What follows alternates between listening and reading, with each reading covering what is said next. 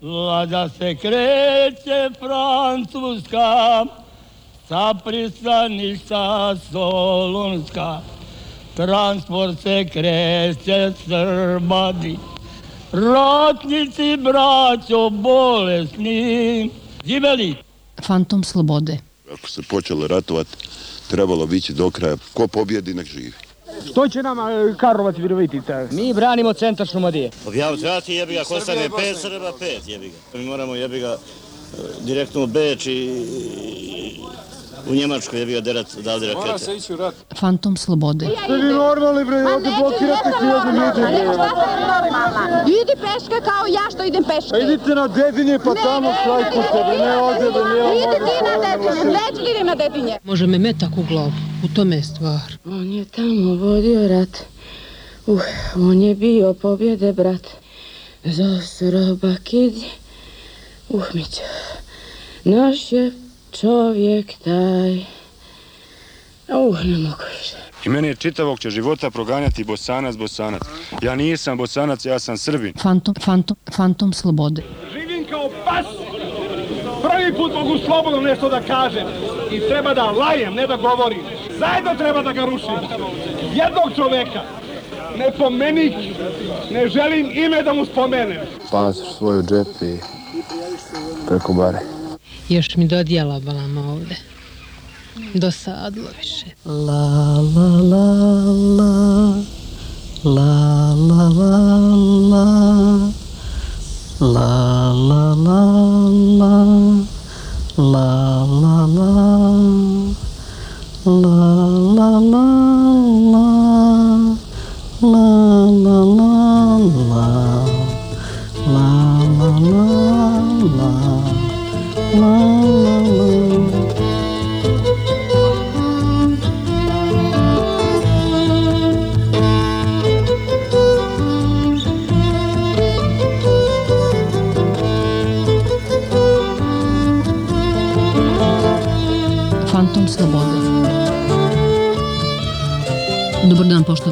slušalci, 10 sati i 15 minuta. Ovo je Fantom slobode.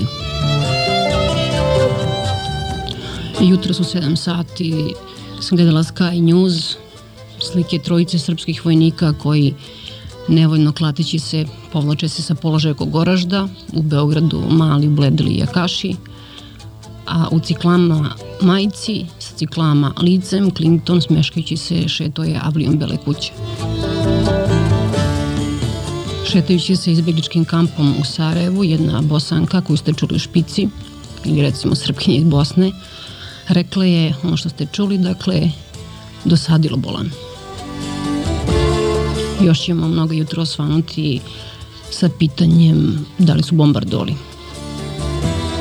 A naša emisija sa ovim ratom i ovim vremenom ima prilično zaobilazne veze kao i u Valjevu u kome smo bili ove nedelje. Tamo preko Drine se ljudi bore za život, mi stražarimo nad životom. Iako kažu da čuju detonacije mina koje padaju s one strane Drine ili kako mlađani Đinđić reče s one strane kičme, srpstva, Valjevci ne pričaju mnogo o ratu. U selima oko Valjeva seljaci poskakuju na svojim traktorima, završavaju setvu, spremaju se da proslave uskrs, prota Sveti Vodicu, a kažu da je više od 20.000 valjevaca se pričestilo za časni post. Mi smo obišli Brankovinu, Valjevo, manastir Ćelije, svuda je mirno, skoro idilično. U Brankovini đaci izlaze iz škole koje je u dvorištu crkvene porte, sveže cveće na grobu Desanke Maksimović, potočić ptičice, kao na onom svetu, pogotovo za nas koji dolazimo iz Beograda. U Valjevu renoviraju stare kuće u Tešnjaku, to je stari turski deo Varoši. Sveže renoviran Grand, ispred spomenici Vojvode Mišiću i Desanki Maksimović, oni se gledaju, a između njih radnici sade cveće i santimetrom mere rastojanje između aleja. Nad Valjevom i dalje širi ruke Stevan Filipović, iako OSP-ovci, četnici ili četnici ili jedni drugo, kako hoćete, nacionalisti kažu da bi e, dva srednjoškolca bila dovoljna da ga srušu u paramparčad, ali da to više nije zanimljivo sada kada svi, to, svi drugi to rade. Oni renoviraju manastire, osvećuju groblje na petom puku gde su posle rata streljani četnici, valjevski domaćini kako kažu. Mi smo tog dana u Valjevu pali u ruke četnicima, SP-ovcima i sveštenicima, onima koji su u poslednjih 50 godina, odnosno pola veka, živjeli neki paralelni život prepričavajući priče o hajducima, ustanicima, četnicima, vladici Nikolaju, ocu Justinu, Draži Mihajloviću. Oni prenose te priče, makar vam je takav utisak od usta do usta kao neki sveti zavet. I kao što smo u Topoli imali osjećaj da su svi čuvari Svetog grala dinastije Karadžorđević u Valjevu vam se učini, makar s obzirom na te ljude s kojima smo razgovarali, da su svi iz sela Lelići, odakle Nikolaj Vremirović i da su svi na svetom zadatku stvaranja, što bi otac Justin rekao, svete Srbije. Tako u sledećih sat vremena i nešto više slučat ćete priču o Valjevu. Ovo je emisija Fantom Slobode, Radio B92. Dobar dan još jednom.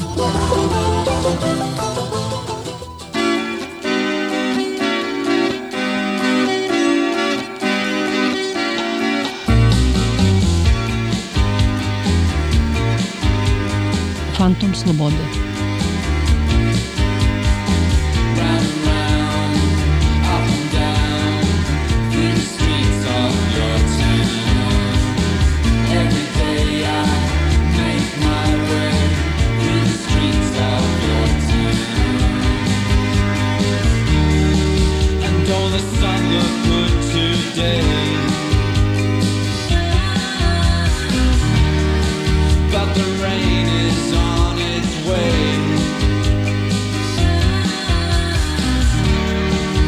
тобою ще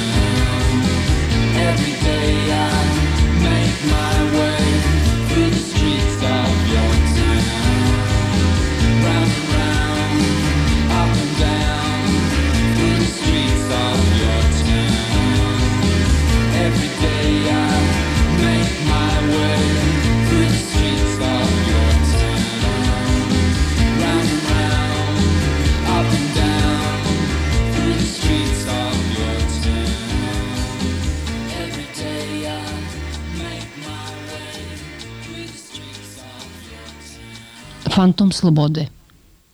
Svaki grad pa i Valjev ima svog hroničara, zove se Bora Vujić, ima 70 godina i živi u Tešnjaru, starom delu Valjevo, dakle odmah kao svaki domaćin pokazao nam je svoje dvorište, a u dvorištu te kuće je drvena magaza stara 200 godina i kako nam reče napravljena bez jednog jedinog eksera.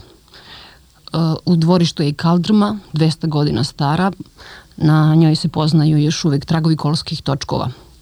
Borovović čita Dostojevskog, braću Karamazove ponovo, izdanje iz 933. godine koje kupi njegov otac. To je izdanje dakle, iz 33. godine i upoređuje ga sa izdanjem Dostojevskog iz 57. U Valjevu inače imate utisak da svi čitaju Dostojevskog, pogotovo u poslednje vreme. Hroničar Valjeva, Bora Vujić, trenutno se bavi istraživanjem iščezlih uglednih valjevskih porodica i kaže da ih ima 120 Piše i šalje opširna pisma u svet, sve ređimo odgovaraju. U meni niko ne piše. Ja napišem pismo na četiri strane gusto kucanog teksta bez proreda, a profesor univerziteta, moj školski drugi doktor ekonomskih nauka zove telefonom jer njega mrzi da piše. On uzme pa me gnjavi sat i po, jer ja njega zainteresujem za pojedine ličnosti, napišem, on onda poludi, ne može da, da, da dođe k sebi. Ja sam izračunao, u dva pisma sam upomenuo 207 ljudi.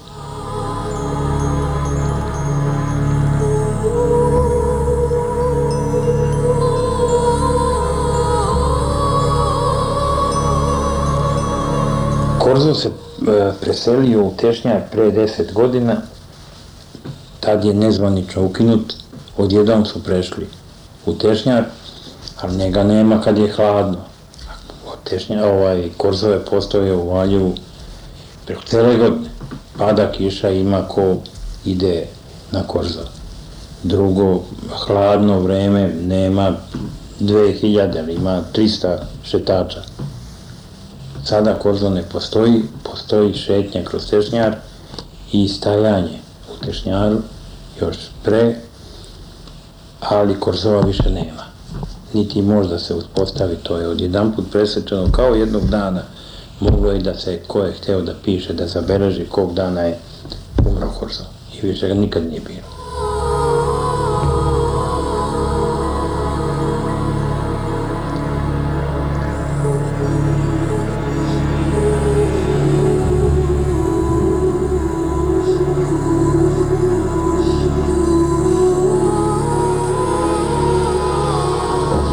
Pišem 25 godina, vodim nedeljno jednu emisiju iz Starog Valjeva, na Radio Valjevo. A sigurno je 1300 ovih nastavaka objavljeno Staro Valjevo. Ra, list napred lokalni je jedno 4-500 članaka objavio tih i druge vrste. Ovaj, to su, uglavnom to mi je zanimanje da, nije, da mi nije dosadno. Radio Valjevo im izdalo knjigu 1987. i planirao još 4-5 knjiga da ida iz starog Valjeva. Međutim, naišla su ova kadna vremena. Ja znam da su pojedinci slali u inostranstvo, a samo za Ameriku koliko sam ja potpisao kao autor odšlo je 12 komada. Jedan od njih, lekar, javio mi se iz automobila telefonom da ja vidim šta je standarda američki. Dobar prijatelj, komšija. Javim se, kaže, iz automobila na putu za Čikago. Preko ja sam kod kuće sedim.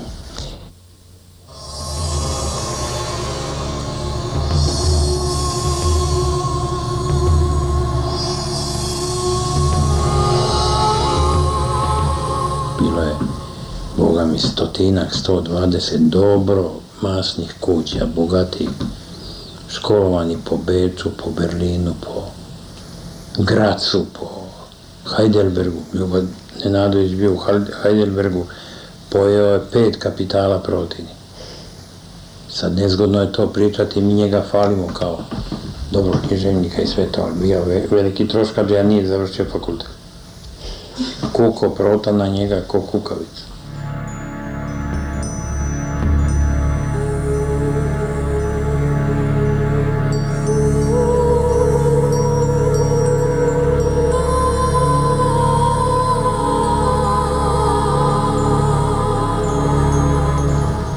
Kažu da je u ratovima Drinska divizija, ali to nije samo Valjevo. Odavde cela zapadna Srbija Južički okrug pripada Drinskoj diviziji i tako dalje. Jedan Valjevac kaže, kad je 1957. godine odšla vojna muzika iz Valjeva, Valjevo je, kaže, propalo, nema od njega ništa. A imala je vojnu muziku blizu 100 godina.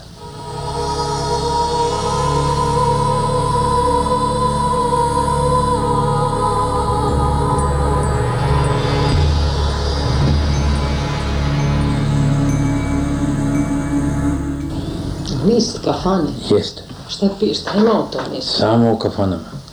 Šta? O životu u kafanama slike stari kafanskih društava. Na primjer, ja sam napisao o Grandu, Grand hotelu. Napisao sam o o lumperima, kako se lumpovalo u Valju, žene kafanski ljudi, jedno od 15 članaka su me objavili, što god sam poslao objavili su. Samo niste li da objave kako su u Valjevu lumpovale Olga Spiridonović, glumica i Valjevka Marija Radosavljević, prvak države u bacanju kladiva i kugle. Su one jednu noć lumpovale tu na iskraju Valjeva, napravili džumbus, potukle se.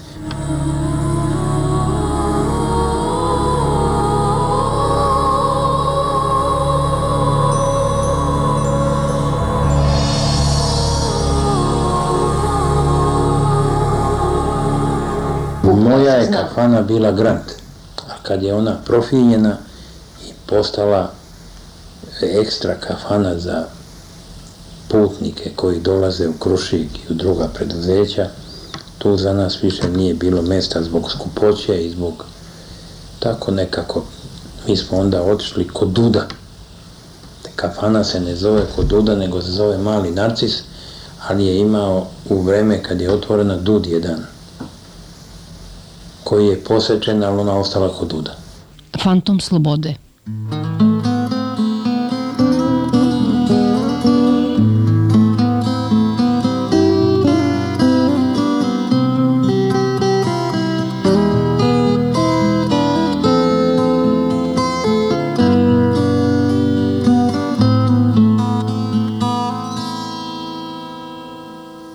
Mesec prosipa bokal fosfora Vitraž mraza na oknu prozora.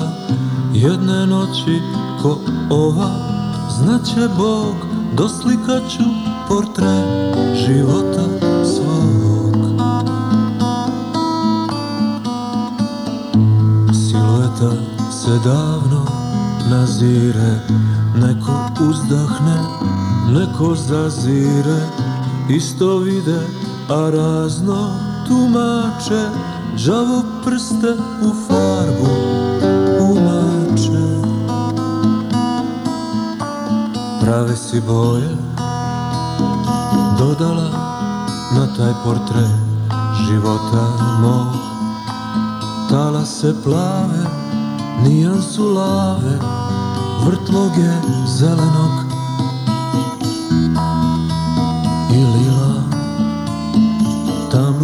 сумніву і бою безквенежну і срамежливу, сетно сіву, непогрешиву. Розе надьохмет старі письміма, modru vrpcu nad teškim mislima U krahriđu iz pera drozdova лаки pur prvih grozdova. Uzeh okjer sa sveće svečarske Drapsa svilene, mašne, bećarske Mrkus tambure tužnih tonova a cinober sa nosa klovnova. Prave si boje dodala na taj portret života mog Talase plave, nijansu lave, vrtloge zelenog A crnu nisi štedela, ali bez nje bi bela još izbledela, bez crne bela ne bi vredela.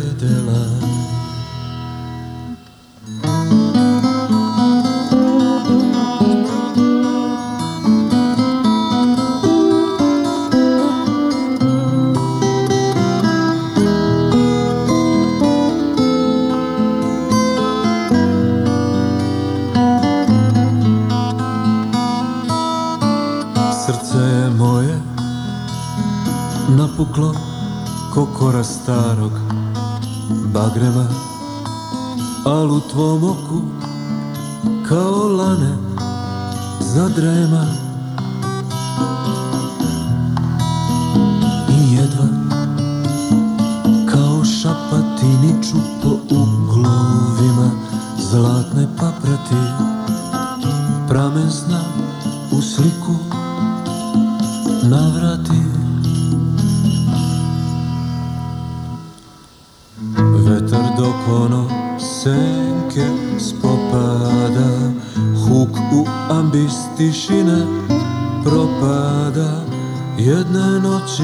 ko ova Znaće Bog doslikaću portret života svog Fantom slobode. U Valjevu ovih dana najviše posla ima prota Vladan Kovačević. On je starešina crkve u Brankovini. Sveti vodicu za uskrs. U Brankovini inače ima 120 kuća, a u celoj parohiji prota ima više od 1000 kuća. On nam je mm, pokazivao portu crkve u Brankovini, pokazivao nam grobove, pričao nam o proti Matine Nadoviću, knezi Aleksi, o Nenadovićima uopšte, a priča se da su inače Nenadovići došli u Ubavu Brankovinu iz Hercegovine ili Crne Gore i da su se zaustavili Brankovini jer im je tamo vo riknuo dvadesetak puta. Iz porodice Nenadović je inače i majka kralja Petra I. Persida. Prota Matej je sagradio školu u Brankovini, to je bila prva škola, ona je u samoj porti crkve, sada se zove Desankina. A Mirko Maksimović, otac Desanke Maksimović, je bio učitelj u toj školi, a pesnikinja je čitavo detinstvo proživjela u porti crkve. Tu je naravno i po sobstvenoj želji sahranjena. Prota Vladan Kovačević joj svaki dan pali kandilu i donosi sveže cveće, a kaže obrazaće travu za uskrs. Uredio je grob kao grob svoje majke. Kaže da je prošlo inače 25.000 duša pored pesnikinjenog groba. Prote je bio zadužen da zajedno sa Matijom Bećković ubeđuje Desanko Maksimović, naravno dok je bila živa, da joj u Baljevu podignu spomenik da podignu spomenik sa njenim likom. Ona je dugo pružila otpor jer joj se nije dopalo baš da joj dižu spomenik za života. Prota kaže da je, dok su se šetali centrom Valjeva, gde je spomenik na kome do duše ne piše Desanka Maksimović, nego o srpskom pesništvu, Desanka gunđela, nešto u smislu ubre Desanka, ali si se ukamenila. Naravno, nismo imali srca da ga pitamo o predgovoru koje je Desanka Maksimović pisala za godine raspleta. Proto nam je pričao da je svaki treći Brankovčanin poginu u Prvom svetskom ratu, a četvorica momaka u ovom poslednjem – Prota Vladan Kovačević ima sina, džakon je u crkvi Svetog Save ovde u Beogradu. Proto u maj ide u penziju, nije išao lekaru, nikada nije uzao tabletu za glavu. Pred dvoje ljudi osjećaju je strah, Desankom Maksimović i ocem Justinom Popovićem. Znali su to i Turci na neki način, jer uvek imalo Srba izdajica, pa su preko njih doznali i Turci šta se priprema, zato i prva žrtva bio prva glava čija je pala, to je bila kneza Alekse i, i, ili je Birčana u Valjevu, ovaj, posjećeni su i to lično. Fočić je došao da taj, taj sramni čin učini. Telo kneza Alekse doneto je Sarhanjin ovdje u Brankovini, pokraj crkve, a glavu nisu dali. Međutim, kada sahranjivali kneza Aleksu, 20 mladića se zakone da će doneti glavu ili neće se živi vratiti i uspeli su uglavnom da ne pričam celu priču, da je to Živan Jerotić, jedan iz blizonja tu ovaj mladić, on je uspio da ukrade glavu knjeza Alekse i da je donese i sutra da su otkopali knjeza telo, telo i ovaj knjez Alekse i postavio glavu kao i živom što treba da bude. To piše protav u svojim memoarima o tome. Dakle, znači prvi grob otprilike od tih velikana Nenadovića je kraj crkve u Brankovini je grob knjeza Alekse. Ostala su četiri polja slobodna da bi se napisalo ko su Nenadović, odakle su došli ove, šta su sve učinili za rod Srpske, otprilike ono što, bi, što su i memoari delimično napisali. Međutim, kad je kamenorezac počeo da piše, napisao je negde oko 6-7 redova, tako je napisao recimo familija Nenadovića dosela se iz Morače u Srbiju, Valjavskog okruga u Brankovinu, od koje su knezovi bili nad ovim okružjem i za koje je knezov Alisa sin Stefanov, hrabri zaštititelj roda srpskoga, za kojega i cesar Bečki znao Nop, tu je prekinuto dalje pisanje. Legenda kaže da je Fočićev sin tada naišao, uhvatio toga kamenoresca, nabio ga na kolac i nikad više nastavljeno da se piše.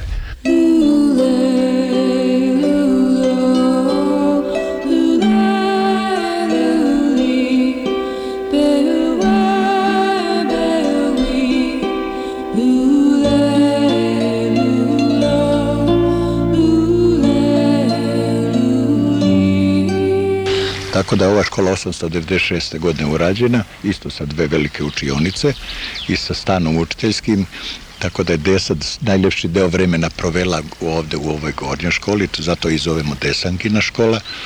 Ovo je Vajat Prote Mateje koji je prenet iz porodice Nenadovića, u njemu je rođen Čika Ljuba Nenadović, a pozade ove škole onu zgradicu, tu je bila prva sudnica u Srbiji, u njej je sudio knez Aleksa. Dakle, sve su to momenti ovako koji su uticali na formiranje ličnosti, ja mislim, Desanke Maksimovića, još ako dodate da i Čika Ljuba bavio se stihovima, da je vrlo lepe stihove za decu pisao, da je bio jedan vrlo popularan pisac, pa onda da je ona ovde imala priliku kao dete da dočekuje i, i kralja Aleksandra, jeli majka kralja, u kralja Petra, naime je iz Brankovina, ne čerka Jefrema Nenadovića.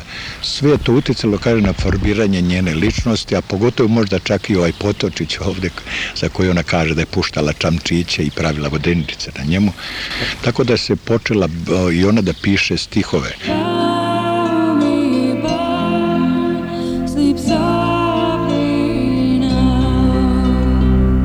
Dana tako smo razgovarali o prirodi, o nečem što sam i ja lično doživljavao.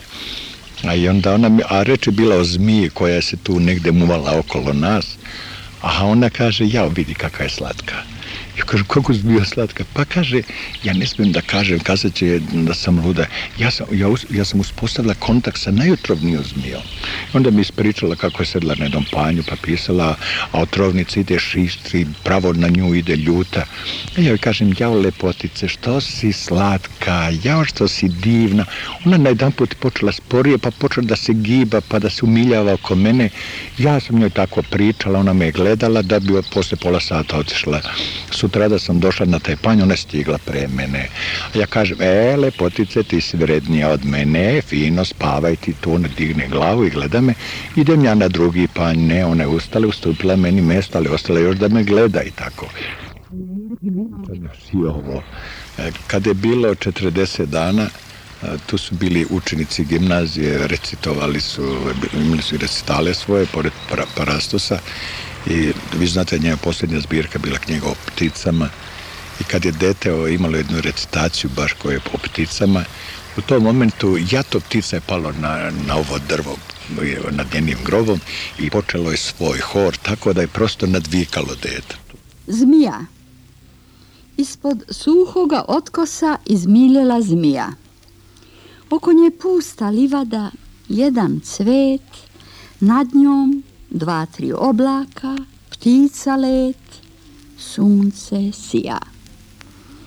Dalekom putanjom pesma ko značija.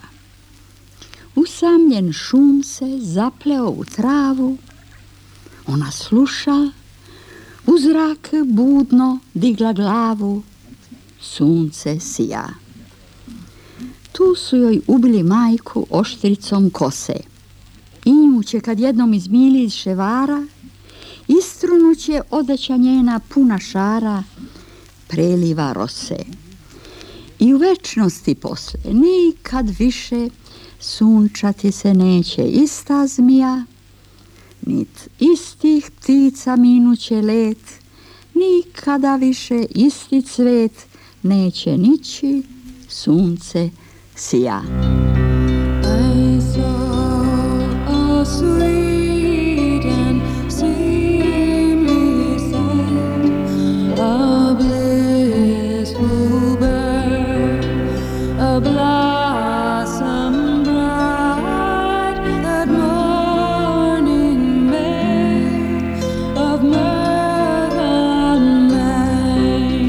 Dve ličnosti sam u životu sreo od kojih sam imao pomalo straha, ovako da kažem. Ne, ne nekog straha, nego prosto, ja, čini mi se, čitali su me kao otvorenu knjigu. To je bio doktor Justin u Ćelijama i Desanka, recimo. Ja mislim, za njih nije tajni postojalo. Oni su potpuno naslučivali vreme koje dolazi i, čak ovaj, mislim da, da oni koji su dobro poznavali Desanku, ja lično, verujemo da je Desanka htela da umre. Htela ili je bilo strah od vremena koje će imati on spomenik. Inače, to je sve u stihu dole napisano, pa kaže, sećate se ko tu leži, kad dograđen grob mu blista, ova gruda ne, ne, nije, nego bise zrna čista. Srpske dece, to je dar, srpskoj pesmi na oltar, time ljube dobrog čiku, tim beleže grob pesniku.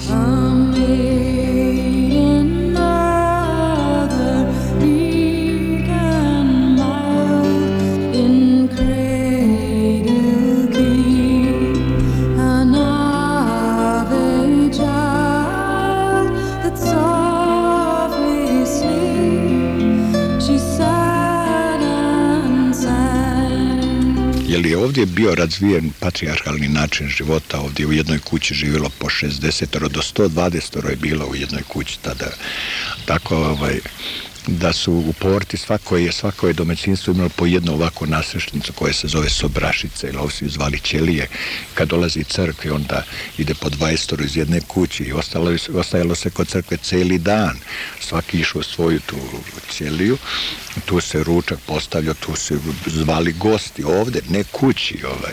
Tu se gledale momci i devojke, tu se zakazivale svadbe. Tu čak bilo javno suđenje, tu je to jednom reču celo kompletan život je tek ovde, a uvijek je tu morao biti i knez Aleksa i prota Matija i tako. Kaže me ovaj Brankovina je na neki način ovaj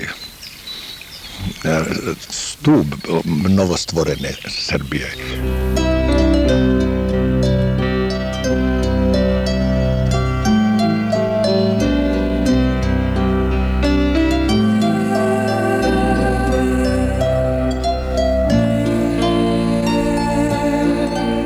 Brankovčanin je čudan čovjek, da vam kažem, mudar čovjek.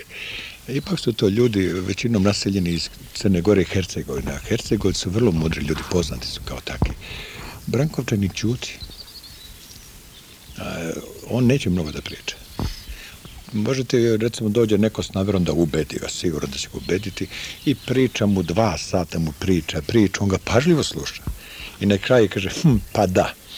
I ništa, i to, to je ceo odgovor. Ti si ispričao tvoju priču, ovo ti je moj odgovor. Inače, Brankovčani vole svoje mesto, to je najvažnije. Vole svoju Brankovinu, pomalo su ogorčeni što se ništa nije učinilo u Brankovini, jer je uhvatilo je ovo vreme zaleta, prave se kuće na spratove, rade se asfaltni putevi e, i tako dalje. U Brankovini ništa od toga nije urađeno, sve moj kilometar jedan puta što je urađeno, ali, ali fale im, fala onima koji nisu uradili.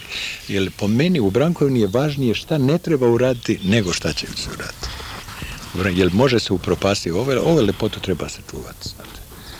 Inače, Brankovčani nisu se mnogo ovaj, odselili, tako da kažem. Uhvatilo je jedno zlo, ono, ono, ja to zovem bela kuga, ovaj, žene su nas upropastile, rađaju jedno ili dvoje, mada u zadnje vreme se ta situacija malo popravlja. Inače, da, da ima kuća koje su napuštene, nema.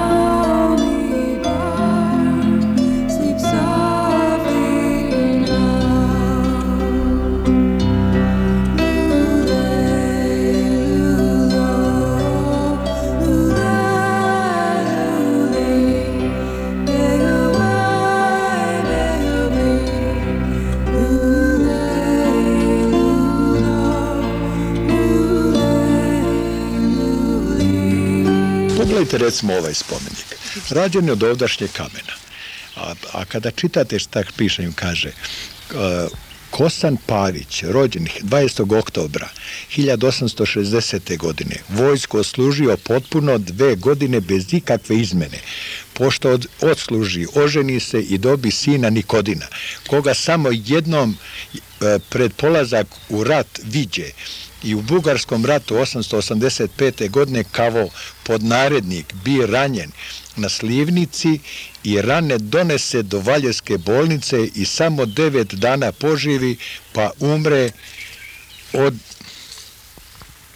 od rane 17. novembra 1885. godine. Sahrani se u Brankovinama kod svoje porodice i Kosan i sin mu Nikodin. Oba umreše u jedni godini, ovaj mu spomenik podiže ožalošćini otac, Radojica Pavić, majka Joka i treća žena istoga oca 1888. godine. Zar to nije psalam? Čitav život. Da.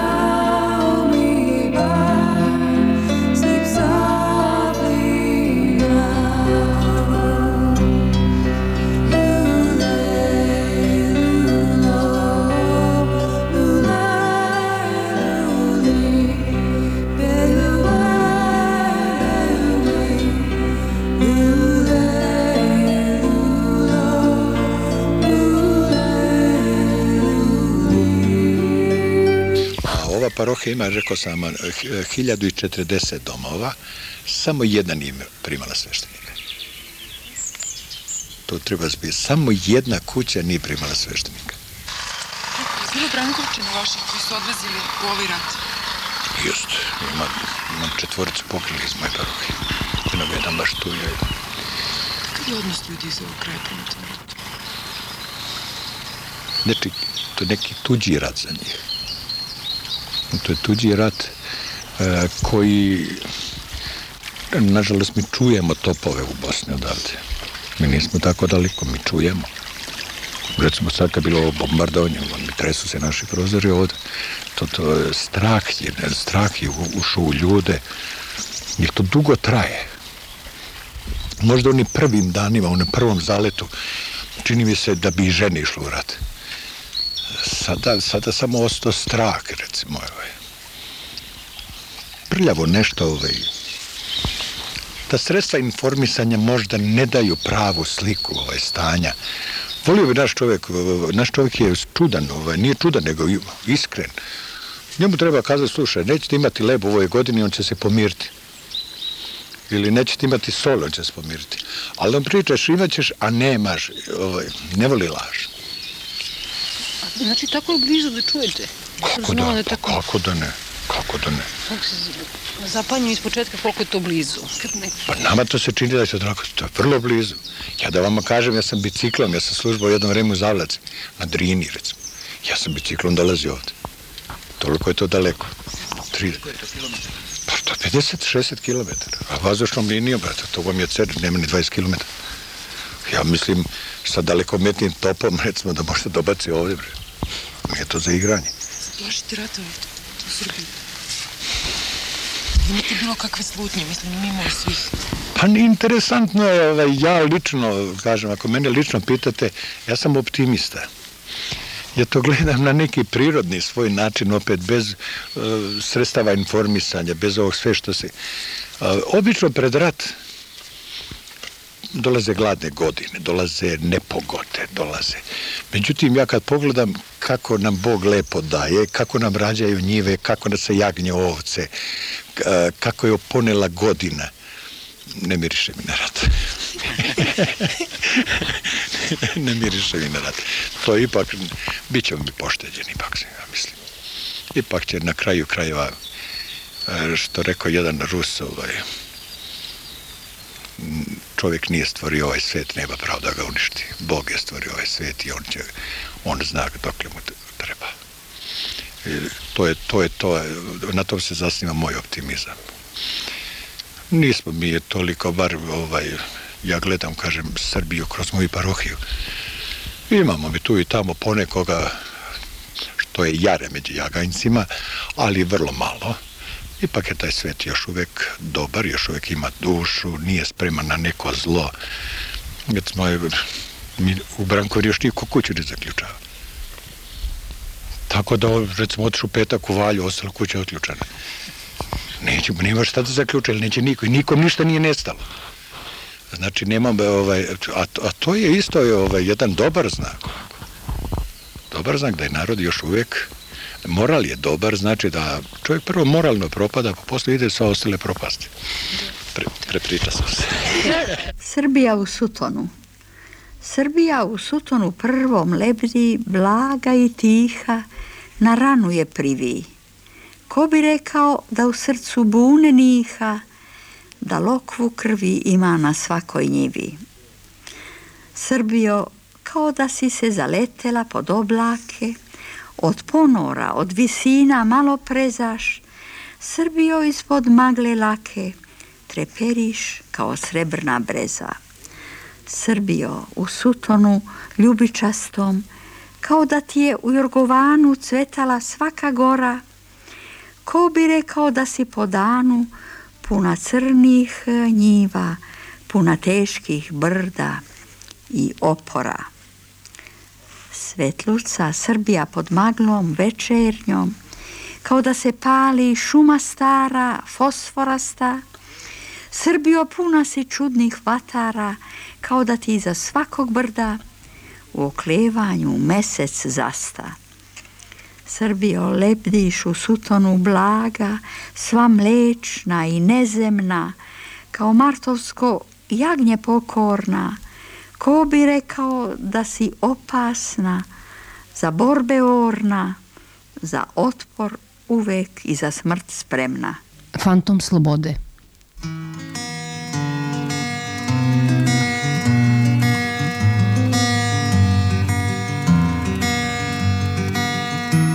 If language were liquid, it would be rushing in. Instead, here we are in a silence more eloquent than any word could ever be. These words are too solid, they don't move fast enough.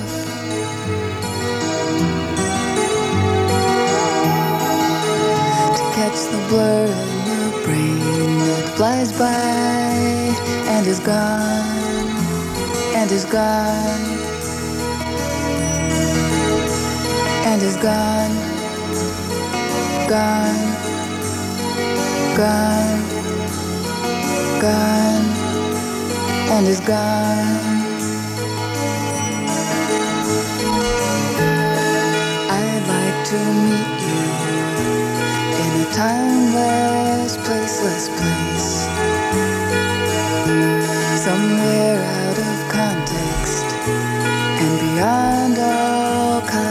Let's go back to the burning on Little West 12 is not far away, and the river is there, and the sun and the spaces are all laying low, and we'll sit in the silence that comes rushing in and is gone,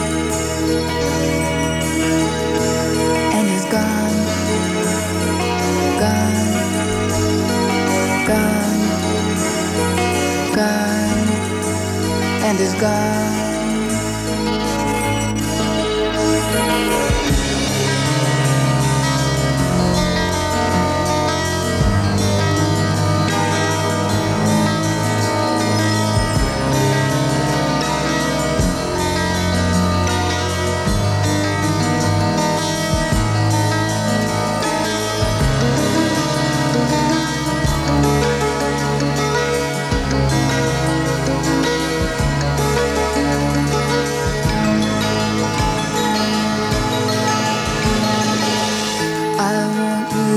Use words. They don't mean what I meant. They don't say what I said.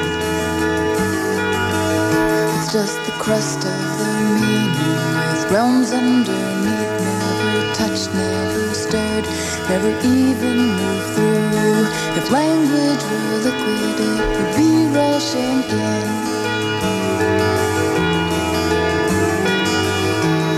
Instead, here we are in a silence more eloquent than any word could ever be.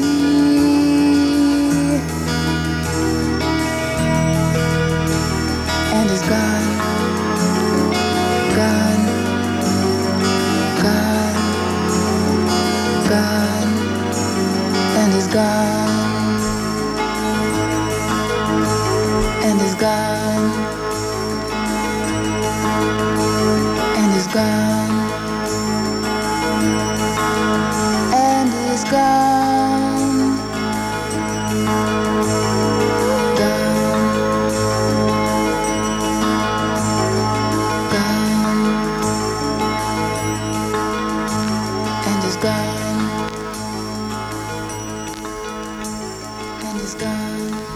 Fantom slobode. 11 sati je i 4 minuta. Pričamo o Valjevu, a tamo živi i Đakon Ljuba Ranković, e, inače urednik Glasa crkve i njegov prijatelj Badža, metalostrugar i vatreni SP-ovac. Razgovarali smo sa njima i odmah su nam rekli da je Valjevo prestonica SPO-a. SPO je, kako kažu, rođen u glasu crkve. I Đakon Ljuba Ranković je rođen na gde drugde nego u Leliću, rodno mesto Nikolaja Velimirovića, a godinama bio sekretar njegovog sinovca vladike Jovana Velimirovića. Inače, selo Lelić e, je Srpskoj crkvi dalo tri episkopa, Nikolaja i Jovana Velimirovića i današnjeg vladiku Raško-Prizrenskog Artemija. Srpska pravoslavna crkva je, kaže Đakon Ljuba, bila meka u odnosu na komuniste, ponašala se u skladu izreke zmiju gladi ispod nje se vadi. A Šabačko-Valjevska eparhija je bila ljutiti deo Srpske pravoslavne crkve i odlučila da 85. godine obnovi časopis Glas crkve i odmah su štampali naravno dela Nikolaja Velimirovića u fantastičnih 50.000 primjeraka prodavano uglavnom u emigraciji. Glas crkve je prvi pisao raskolu u Srpskoj crkvi i zbog toga ih je osudio i sam arhijerejski sabor. Inače, e, Glas crkve je poslednjih godina objavljivo kasete sa nacionalističkim pesmama, kako kažu, sećate se onih momaka što su na početku knez Mihajlove prodavali kasete sa pesmama Niko nema što Srbini made ili što ćutiš, ćutiš Srbine brate. Đakon Ljuba se tog dana vratio kad smo ga posetili uh, iz Beograda gde je držao konferenciju za štampu koju je prisustvovao i patrijarh Pavle, a povod je izdavanje, reprint izdanje Dostojevskog iz 933. godine koju je uređivala Isidora Sekulić. I Đakon Ljuba je naravno oduševljen Dostojevskim, podsjeća nas da je otac Justin za Dostojevskog kazao da je on 13. apostol. I takođe su nam rekli nema pravoslavlja bez Rusa, Rusija je naša majka. Đakon Ljubo inače malo malo pa kaže uh, Valjevo je naravno četnički kraj, onda četnici, nešto u smislu mi četnici. A kod njega smo na razgovor otišli negde kasno uveče, skoro pred ponoć, ispred njegove kuće, koja je ujedno i sedište glasa crkve. Mene lično je obuzala neka nelagoda. Ipak sam ja iz partizanske porodice. I osetila sam u stvari nelagodu, praktično strah, kao kad sam prvi put otišla na razgovor sa Vukom Draškovićem u njegov stan pre otprilike 6-7 godina. Razgovarali smo opet o Nikolaju Velimiroviću. Vuk Drašković je tada vidio koliko sam se prepala, pa se, dok sam cupkala pred njegovim vratima, nadno nadama mi rekao, gde ćeš u četničku kuću se lako ulazi, ali se teško izlazi. Otišla sam prilično bezglavo i zaboravila neke stvari tamo, nikad se nisam vratila. Za Đakuna Ljubu Rankovića i njegovog prijatelja Bađu, vatrenog SP-ovca, Vuk Drašković je savremeni Draža Mihajlović. Te noći su nam pričali o Hajduku Bojeviću, Valjevskom Robin Hoodu, kako kažu, četnicima i partizanima, naravno, o tome da u Valjevu ima 3%, odnosno 3 promila nesrpskog stanovništva i o nekim drugim stvarima. A ovde Valjevo je, razume se, četnički kraj. Tu mi smo, ovaj, glas crkve je organizuje jednu akciju gore u, u, ovaj, iznad, u susednom selu iznad Leća bila je crkva koju je podigao Draža Mihajlović, četnici, a blagoslov iz Vojlovice za dizanje te crkve poslao je vladika Nikolaj. Ta crkva je, razume se, doživjela sudbinu kao što je doživeo i, vođa četničkog pokreta, ona je posle rata spaljena, e, odmah, bila lepa crkva, A onda su 62. godine, treće, kada su pravili školu u Donjem Leskovicama, dakle u tom susednom selu, lepo se te crkva je bila zidan od kamena, tesani kamen skinuli i pravili od nje školu. Ostao je jedan kao onako slomljeni zub na jednom vrlo lepom mestu koji se zove baš onako Kraljevo brdo, jer je kraljevski zaista ovako dominira na celim, to je neki kišobran ovoga valjevskog kraja i glas crkve je 80 i 2009. godine, odmah kako smo došli ovde poveli akciju da tu crkvu obnovimo. I mi smo tu crkvu, hvala Bogu, obnovili. E,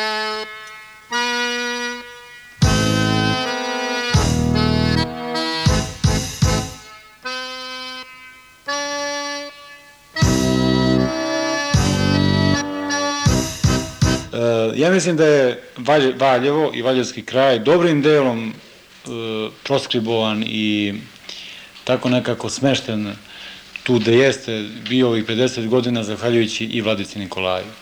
On je bio čovek koji je, koji, čovek koji je najviše posle Svetoga Save voleo Srbiju i srpski narod i koji je bio prinuđen da tu Srbiju napusti.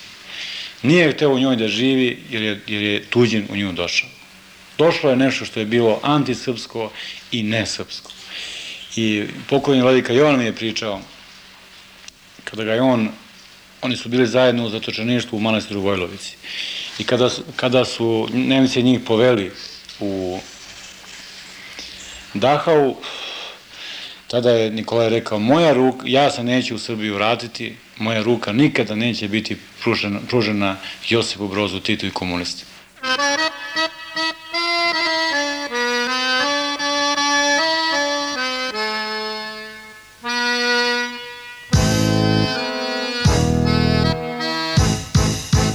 Ovde na petom puku, to je groblje malo pre koje ste pomenuli, mi smo to groblje, to je takozvano pasje groblje.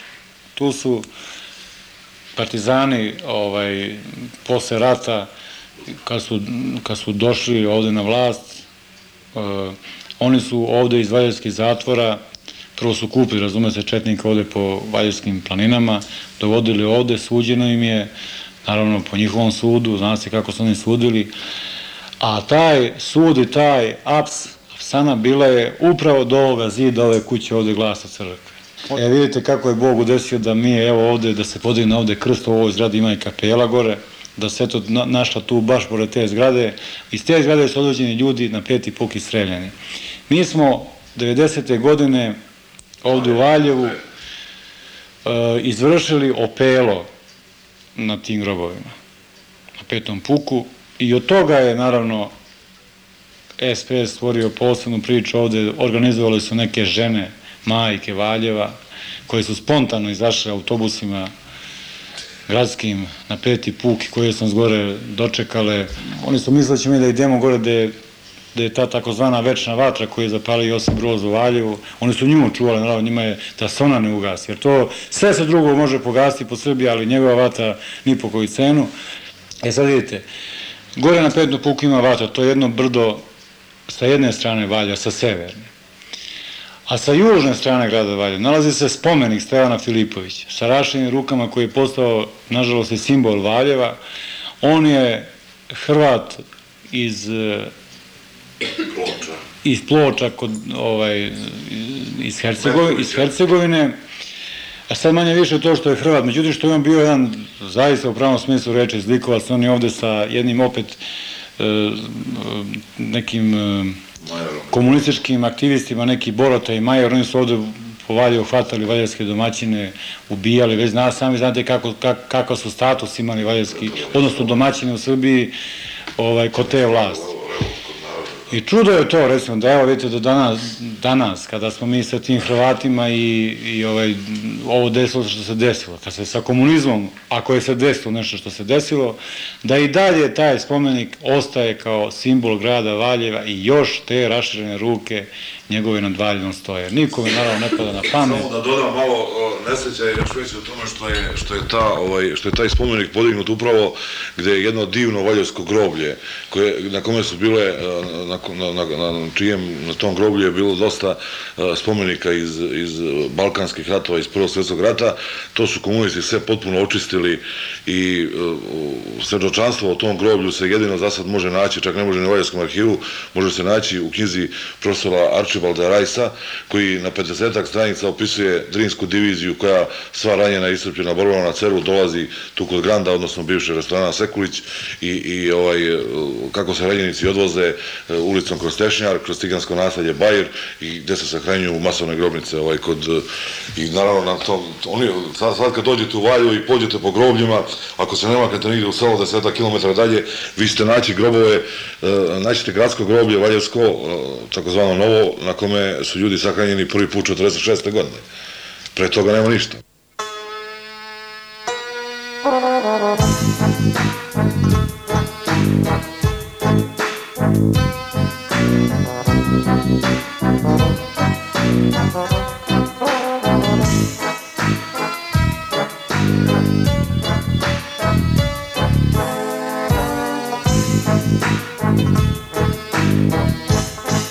Naravno i Valjevo i po tome, ovaj, isto jedan poznati grad, ili ovde Hajduk Bojović uh, robija u ovom zatvoru i ovde je streljan i čak ovde postoji mesto gde je on streljan koje i danas važi kao autobuska stanica zvana Bojovića grob, koja zvanično je ušla u, to su vlasti, ne znam, neki možda tek 80. godina, o, i neko se setio da interveniše, da, da, jako je naravno on bio zlikovac ondašnje vlasti, čovjek koji je sprovodio svoje zakone i jednostavno hajdu kao za svoj račun je, inače zanimljivo za njega da je u, u, streljan imao je 21 godinu kad je streljan a imao je toliko dela da je po ondašnjim srpskim zakonima osuđen na 720 i nešto godina ovaj, robije slično nekim američkim zakonima danas da se za svako delo sudi posebno, posle to nadovezuje i onda karika bez obzira na godine ljudskog života.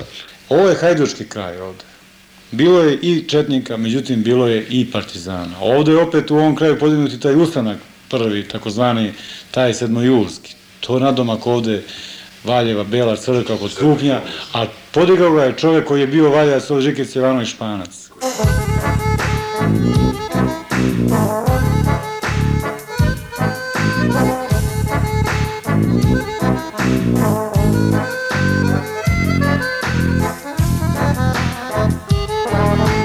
ovi sve gradovi rušili spomenike i menjali ulice Valjevo još nije. Valjevo još nije služno spomenik Stara Lipovića, koji je aluminijuma, je ovaj... koji se može jednostavno plinskom bosom potpuno razneti u roku za, za, za dobro organizovana dva čoveka, za klinci, srednjoškolci, za 10 minuta raznesu to sve, mislim, u pola bačat, ne može ga skupi više niko. Oto, prošlo više, mislim, to nije više zanimljiva stvari. Ovde je Karadžođe ranjen.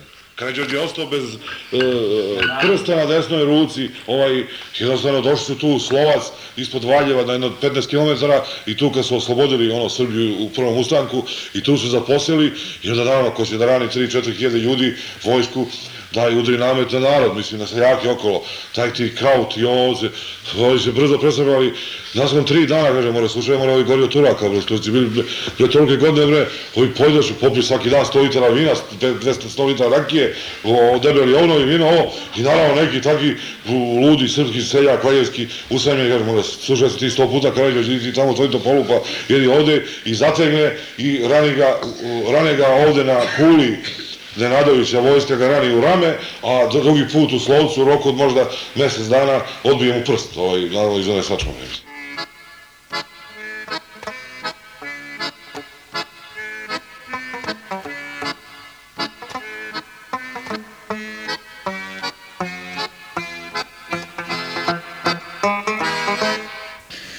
Matija Bećković je sjajan, ako sećate, jednom rekao da je Srbija mu liči kao kad se podigne kamen pa na jedan put ispod tog kamena počinju da, da gamižu mravi, one bubice. E, taka, tako danas Valjevo izgleda. Ovde se, ovo je, ne samo Valjevo, nego cijela Srbija, ovo je zemlja sada jednog totalnog paradoksa, absurda. Evo sad, recimo kad sam obnavio tu crku na Kraljevom brdu, glavni, ovako, e, da ne kažem sponsor, nego dobrotvor, čovjek koji je radio na tome, je bio čovjek koji ima strugaru gore u tom selu. Ja sam prije dolazim kod njega i kažem, Radisave, treba da sečemo, da treba me, hvale me još dva roga gore na crkvi. On to momenta skida valjak sa strugare i uzima da seče. A taj čovjek je predsednik mesnog odbora SPS-a u Donjim Leskovicama. A vlasnik zemlje u Donjim Leskovicama, gde se, Gornjim Leskovicama, gde se nalazi ta crkva, je bio četnik. Sav život je provio u četnicima i do današnjeg dana on još nije dao zemlju tu koja je bila crkvena. U Skupštini Srbije ruke Slobodana, njegovih poslanika, dignute su da glasaju da podpredsjednje Srpske skupštine bude unuk Draže Mihajlovića, Voja Mihajlović, poslanik SPO. A, Četnički vojvoda, Vojislav Šešelj, koji je, koji je jedini, da tako kažem sad, onako de jure, legalni srpski vojvoda, glasao je protiv Voje Mihajlovića i sa obrazloženjem ta, to seme u Srbiji više neće proći.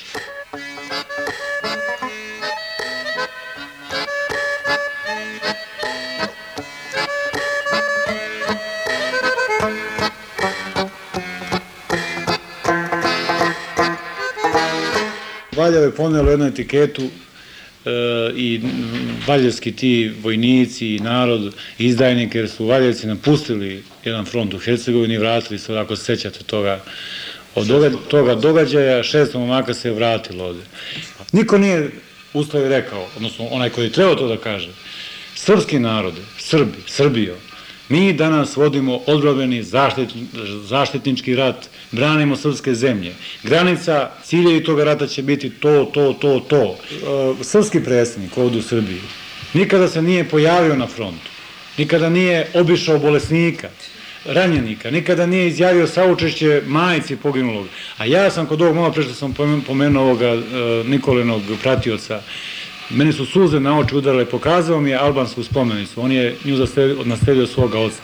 Znate li kako počinje tekst te albanske spomenice? Da ste ikada vi videli? Niste. Ovako počinje. S mome ratnom drugu. I onda ide tekst u potpisu komandant, vrhovni komandant Jugoslovenske vojske, kralj Aleksandar. Otuda je bio taj elan u srpskoj vojsci. Toga elana danas nema, imate horde, otišli su odavde ljudi koji su pljačkali tamo, donosili ovde, dovodili krave, recimo, dotrali traktore, videorekordere, televizore i tako dalje, i tako dalje, marke i već šta sve ne. Najcenije je ovo što, što, što smo mi ostali jedan narod, narod prokažen danas u svetu. Mi smo se svrstali u narod koji je izvršio genocid. Mi smo postali narod zlikovaca. Poslali smo isto što i Ustaše. Jer nas tako sada svet gleda očima. Prezuduje što ja dalje mislim da mi nismo ipak takvi. Ali sa mojim šurakom je u šabačkom zatvoru. Pre dva i po meseca, on je prvo tamo šest dana zbog nekih trgovačkih molifetluka, sitnih, ležao momak, u ćeliji je bio zajedno koga, koji leži dve, koji leži 17 meseci već tamo, koji je optužen za, koga tere, za tereti, naravno, za 153 ubijena muslimana. Fantom slobode. 11 sati i 25 minuta i na kraju ove priče o Valjevu čućete zapravo priču o manastiru Ćelije i o Justinu Popoviću. Na putu za Valjevo inače na, nalaze se neke čudna sela, zapravo sela sa čudnim imenima poput Nepričava ili Ruber Breza. A u okolini Valjeva već često pominjeno selo Lelić, kažu da je dobilo ime po tome što je u 18. veku, što se u 18. veku tu desila strašna strašan pokolj, naime 16.000 žene, dece i staraca je bilo posečeno, posekli su ih naime Turci. Zbog leleka žrtava selo je dobilo Lelić, ime Lelić ili Leleci, kako ga negde nazivaju. A u blizini Lelića je ženski manastir Ćelije, izgleda nestvarno lepo i bezživotno, naravno sa bezbožničkog stanovišta. Igumanija Glikerija e, nije bilo tu, bila je nekim poslom u Beogradu, međutim svi kažu i da je onako ne bi pristala na razgovor. Inače, sposobna i energična žena u manastir je otišla iz Beograda sa 13 godina i zahvaljujući njoj uh, od skromnog manastira Ćelije su postali veliki manastir sa 24 monahinje i iskušenice. Imaju divan konak i kapelu posvećenu Jovanu Zlatoustom. E, to je bio svetitelj koga je naročito volao otac Justin Popović. Zahvaljujući Gumani Glikeri, manastir, e, monahinje su učile i ikonopisanje i crkveno pevanje. Manastirsko dvorište je naravno savršeno uređeno, električna kosilica posekla travu, aleje ruža, tamo se čuje samo šum graca, tipice, kažem vam, kao raju, onako, kao na rajskim pašnjacima. Međutim, iz tog idiličnog stanja trgla nas jedna stroga monahinja koja nas je odmah odvela u crkvu i stražarila nad nama dok se nismo prekrstili. Onda nam je pokazala grob oca Justina Popovića i rekla da ne želi da priča za radio jer se jer je to pograda za svetinju i ispričala naravno da postoje samo dva puta pravi i lažni. Manastir Ćeli inače stekao ugled zahvaljujući ocu Justinu Popoviću koji je tu praktično bio interniran od 1948. godine pa sve do smrti 79. godine. Tamo je on između ostalog i pisao memorandum Srpske pravoslavne crkve o stradanju Srba u NDH, a posle rata je bio proteran sa univerziteta, kraće vreme je bio u zatvoru na pravdi Boga, kako kažu, i dakle posle toga bio interniran u Ćelijama. U ovom prilogu koji sledi čućete besedu oca Justina Popovića, snimile su ga 66. godine monahinje manastira Ćelije. Uh, inače, mi smo uspeli da dobijemo tu kasetu zahvaljujući Đakonu Ljubi. Međutim, uh, izabrali smo jednu stranu kasete koja nam se čini izuzetno zanimljiva, pogotovo za ovo vreme.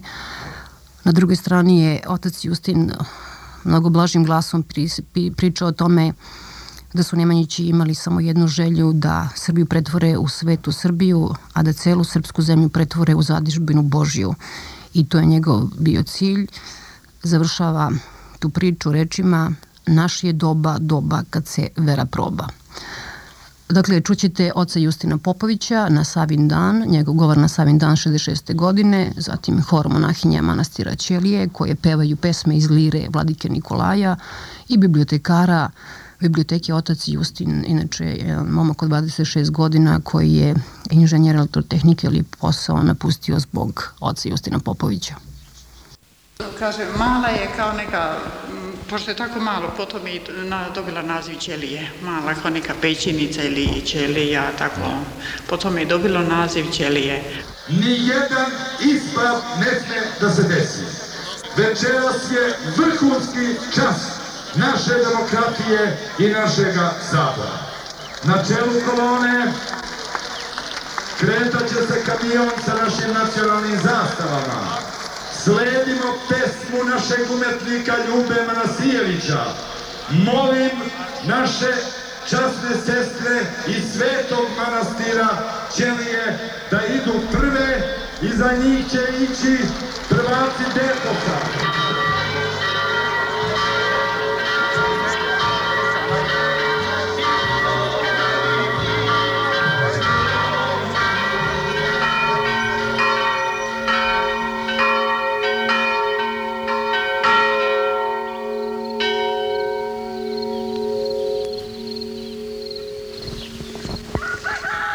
Pa izvolite... A gde ono bi grob oca Justina?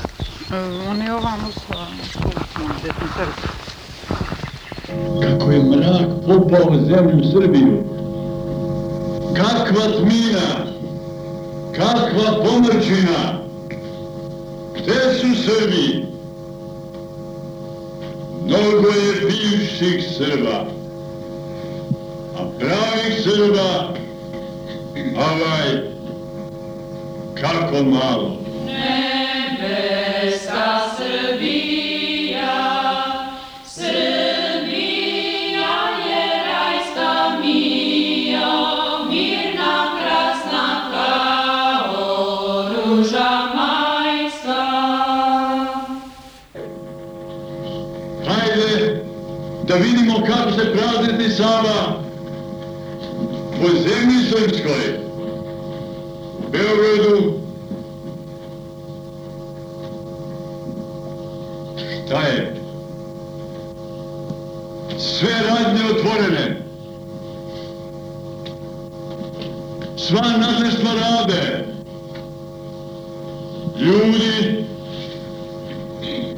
šta je to? Evo odgovora. Na terazijama Sveti Sava raspet na krstu. Na terazijama Beogradskim, na glavnom trgu, na glavnoj raskaznici, na glavnom putu i puteve nesreće Evrope i Azije i Afrika. Eto, Srbi bi podigli krst i raspili na njemu Svetoga Savu.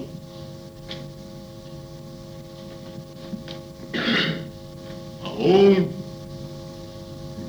tužan, i pun ipak ljubavi za nesretno potomstvo svoje, vapije sa krsta gospode oprosti, jer ne znaju šta rade. Tu su oci naši i praoci sveti što sa krstom časnim dostigoše meti. A, za gospojinu 93. godine, to je negde znači izmak leta, a, započela je sa radom biblioteka Otac Justin u Valjevu. To je jedan, a, kako bi ovaj, mlada generacija rekla, remake, povratak izgleda ovaj, oca Justina. Otac Justin a, svoje vremeno kada je zatočen u ćelijama, imao je velike poteškoće da izađe recimo u Lelić, ako ste bili u Ćelijama, Lelić je odmah gore na brdu, znate. Morao je da najavi se vlastima svaki njegov pokret iz manastira Ćelije. Praktično ovaj, bilo mu je otežano kretanje u Valjevo, nije mogao da dolazi. Hajdemo do dalje. Po nesrećnom Beogradu, tužnom hađenku naše. Трайно на Патриаршие! Кле! И на Патриаршия кръст! Кле! И на Кръсто разпит и Сава! е это? Откуда то? От Раскона. Toujours pas.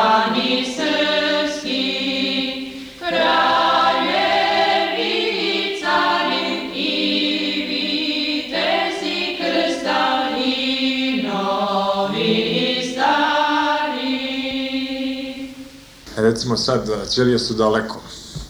Za oca Justina možda 70% Valjevaca danas ne zna.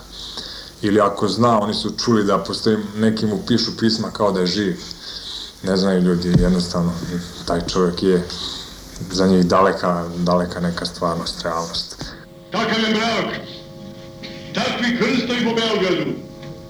A Sveti Sava, gde se u Beogradu slavi? Po crkvicama, po crkvama kao po zbegovima. Tamo dečica, tamo njihovi roditelji. Eto, oni slave Svetoga Savu. A hram Svetoga Save koji je počeo se zida pre toliko decenija, pretvoren u garažu.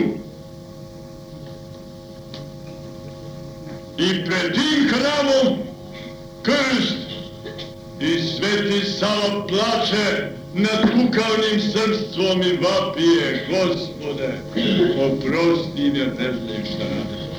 Napustimo mračni i sramni Beograd. Tu monasi časni,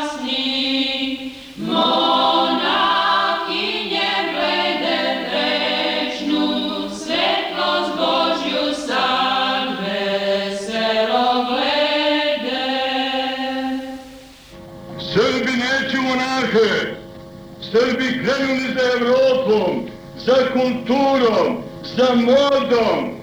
Žene trče za parijskom modom i po varošima i po selima. Mladići, omladina, Srbi zreli, roditelji, činovnici, službenici, sve to se dalo na uživanja. Bio bioskopi pre svega i pozorišni za svega. O, leševi srpski! I onda vi kao takvi koji ne priznajete Boga koga je on, ko, koji je jedino njegov, njegov život, njegovo biće, njegova sreća, da vi o njemu bilo šta govorite lepo, dobro, kad vi njegovoga Boga ne priznajete. U stvari to je veliki paradoks. Jeli, e, to je, svetinja se ne može ta, na taj način da propoveda. I to nije, ovaj, to je za svetinju poruga na taj način. Svetinja se propoveda delima. Tu svečanik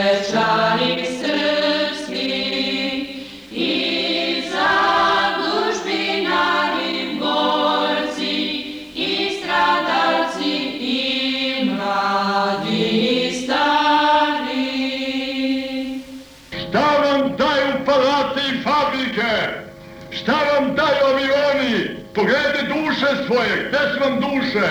O, duša je od svih svetova. To je večno u tebi, čoveče. I ti dušom svojom moraš iz ovog sveta onaj svet. Šta ćeš raditi u momentu smrti? I devojke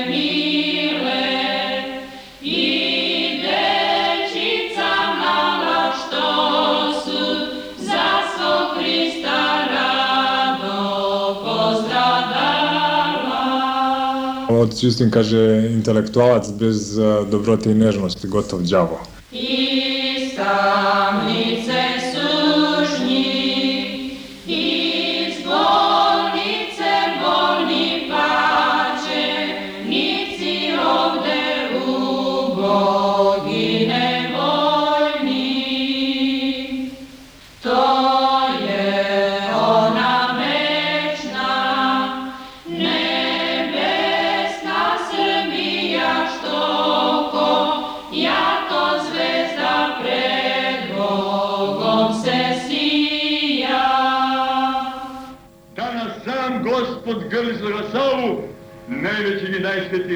Srbina, najljubkije i najmilije srpsko dete Rastka. A on, on kleči i plače, plače nad nesrećim srpskim rodom, plače nad zemaljskom Srbijom. Sva nebeska Srbija je nogama, sva nebeska Srbija slavi za Savu, a vi nesrećni Srbi, sve ste njegovo zaboravili na zemlji. Ti zemaljska Srbijo, kuda ideš? Isuse,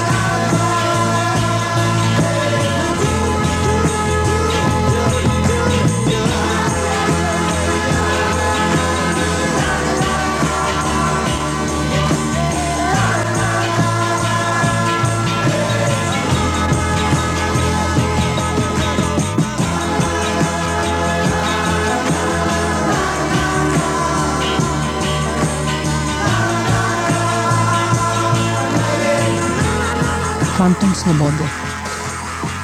A čuli ste našu priču iz Valjeva. Proveli smo tamo otprilike 12 sati sa monasima časnim i monahinjama bledim, sa starim i novim nacionalistinjama i činilo nam se da su oni ovih 50 godina živjeli neki paralelni život, u stvari da imaju jedan život više od vas. Ne znate da li na tome da im zavidite, onako zemaljski, ili da se plašite te svete Srbije. I na kraju emisije Fantom Slobode čućete e, Zagorku Jovanović, ona živi u Beogradu ovde, inače Srpkinja iz Bosne kako kaže nekada velika Srpkinja, a sada Bosanka. E, I ona piše pisma na pelir papiru, prepiska joj je teška 24 kg, pisala je Tempu, Koči Popoviću, Branku Horvatu, Vuku Draškoviću, Poslednje pismo napisala Vojislavu Koštunici, on je inače njeno poslednje razočaranje. Uh, je Slobodanu Miloševiću i Miri Marković. Većina ljudi je odgovarala, dobila čak odgovor e, iz kabineta predsednika Slobodana Miloševića, napisali su samo da u budući ne piše na Tolstojevu, nego da piše na kabinet. Inače, Zagorka je iz Ljevđa polja. Majka ih je rodila 19, a sada ih je 11 živo. Jedna sestra je bila partizan i Zagorka o njoj ne voli da priča. Njenog džeda, Đurana džed, je crkao leteći za zemljanu, a Đurana, Đuranov otac Mijanđa se rvao sa Međedom u 90. godini i pobedio je. Zagorka inače piše sagu o Mandićima, a prepiska o kojoj smo vam govorili odnosi se pre svega na borbu uh, protiv broza. Njen saborac je bio, odnosno jeste Ante Roko Jadrijević, koji je napisao svojevremeno knjigu Kako je lepo biti pas Josipa Broza i zbog toga prova nekoliko godina na robiji. Zagorka je inače i prvoborac samoupravljanja kaže da je bila predsednik sindikata u vreme kada su direktori menjali stan kada je trebalo da se kreči. Evo posle ove priče iz Valjeva, monahinja bledih i monaha časnih i energična Zagorka Mandić. Ja Broza nikako volila, nisam ni sam mogla da ga volim, mene majka šest godina robijala pod njim bre. U Stocu, u Hercegovini, u Foči, u Crnoj kući u Banja Luci, u Zenici. A zašto? Pa prvo je glasala za, u Ćora u kutiju 45. ono njeno za kralja i otačbinu odjeknulo ko ne, ta, nije bila tapacirana kutija. I odmah je uh, uhite i zna se. Posle kao za višak i porez, bila jedan od najvećih obveznika poreza i viš, viška u Bosni. A onda nije htela u seljačke radne zadruge. Ja mislim da je jedna od redkih moja majka koja nije htela da uđe u seljačke radne zadruge. A otac mi je ubijen u Jasenovcu. Moj otac je govorio majci, mene će ubiti jedni ili drugi. Ako me ne ubiju Ustaše za vreme rata sada, ubiće me partizani posle rata.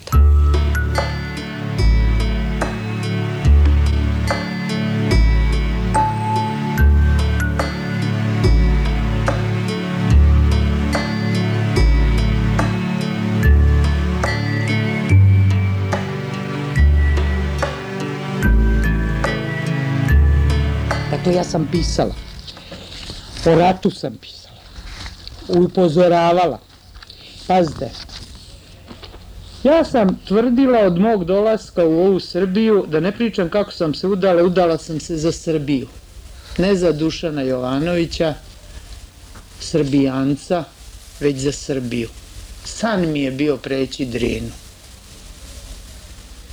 Ja sam bila Meni nije bi moralo češat kožu pa da mi se pojavi Sveti Sava ispod kože. Ja sam bila voljna da odem u Hilandar, da, na Svetu Goru i da tamo živim u nekoj kolebici.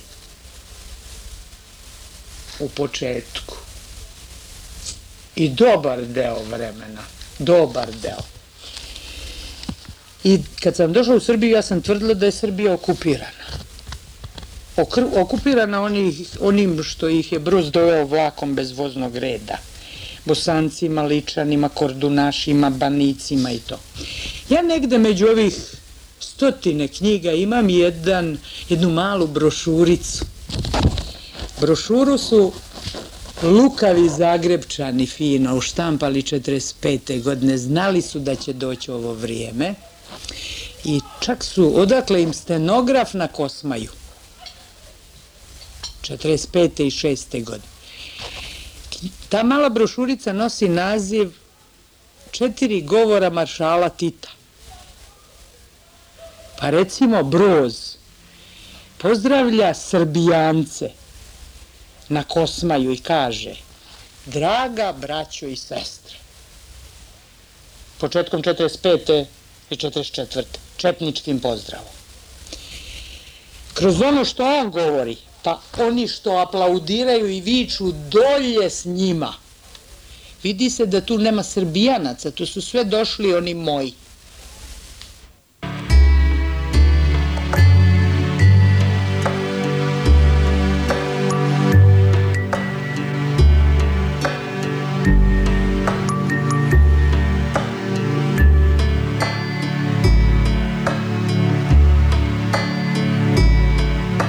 U Karadžorđevu je Broz drmnuo šakom po stolu i pitao ko je taj Tine Stojanović. Oni su se bili probudili i odjednom tražili bar isti status Srbiji.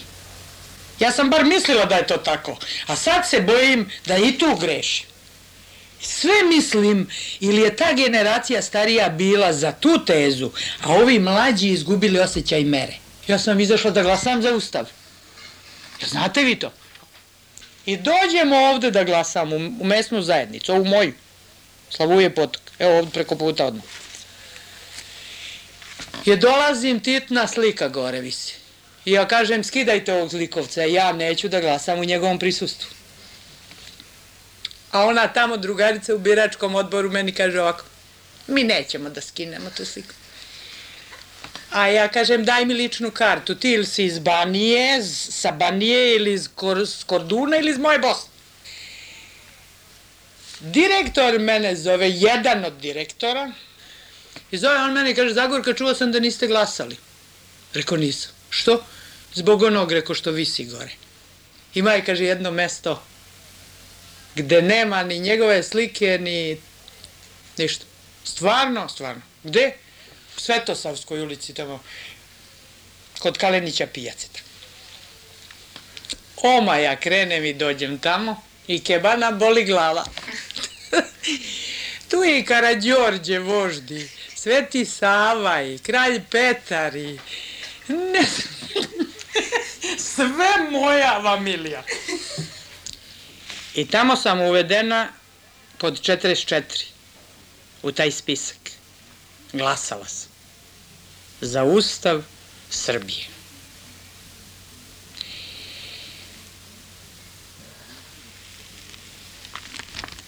Po toj liniji sam ja bila spremna da pogledam kroz prste i Miloševiću.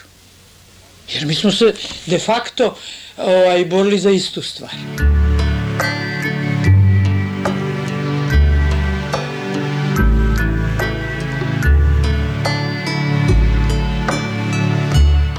Ja se svađam s Brankom Horvatom i tvrdim ja njemu da nema šovinizma ni nacionalizma u Srbiji. Jer ja živim, reko doktore, tu, ja sam se udala, ja sam srpkinja iz Bosne, ja sam u Srbiju došla kao zrela osoba i gledam šta se tu radi.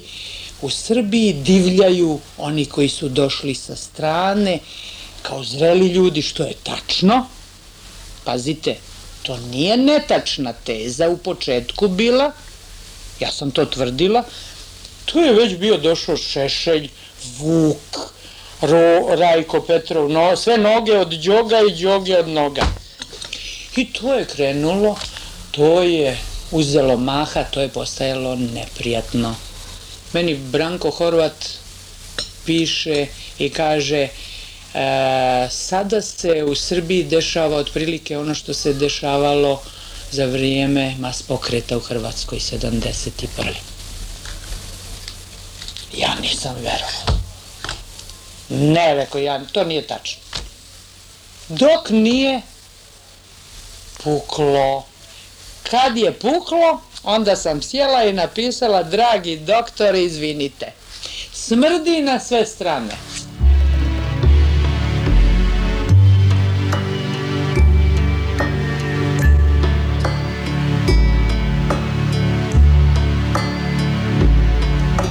U ovom prvom pokušaju naroda Srbije, to je moje pismo, da se već jednom kurtališe komunista, uglavnom ne krsti, potežu onu Lazarevu kletvu ko ne došao na boj na Kosovo.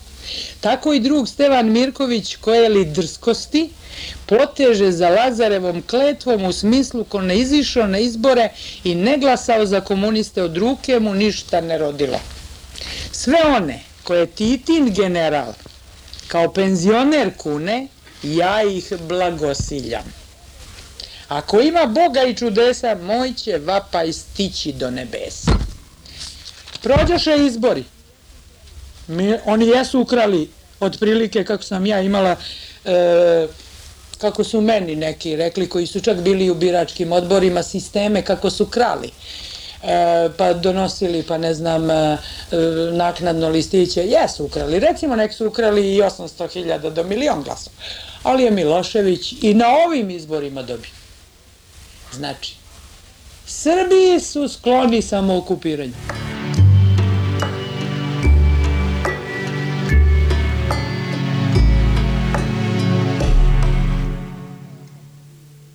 E, kad bi krenuli li nekim tragom da vidite ovu zemlju, ko je gradio? Dobra je. Da nije bilo među tim šuminjacima poštenih ljudi, radnih ljudi koji nisu hteli izneveriti one koji su ostali po šumama i gorama, Jugoslavija bi bila zaduženija jedno 50 puta. Ili bi puklo daleko prije. Jer oni sa trulog zapada ne bi davali pare ovom zlikovcu. Tak tako olako. Ja se sjećam u Grmeču sam radila, kad sam radila i beže to 68. godine, 69. 70. Dolazi delegacija iz Grčke. Tad se pričalo o ulaganju kapitala, mešovita preduzeća. Grk traži ovako, da mu se garantuje da će Broz živjeti još 10 godina. Pa kako bre da živi 10 godina, već bio Metuzalem. Ni on nije znao kad je rođen. Tako da mu je to, taj rođendan lažan bio. Sve mu je bilo lažno. On je farban, menjali mu krv po Ženevi, ko caru Hajlu Salesiju, znači on ne mogu imati 120 godina, ko će da garantuje Grcima? Ruku na srce, on je živeo!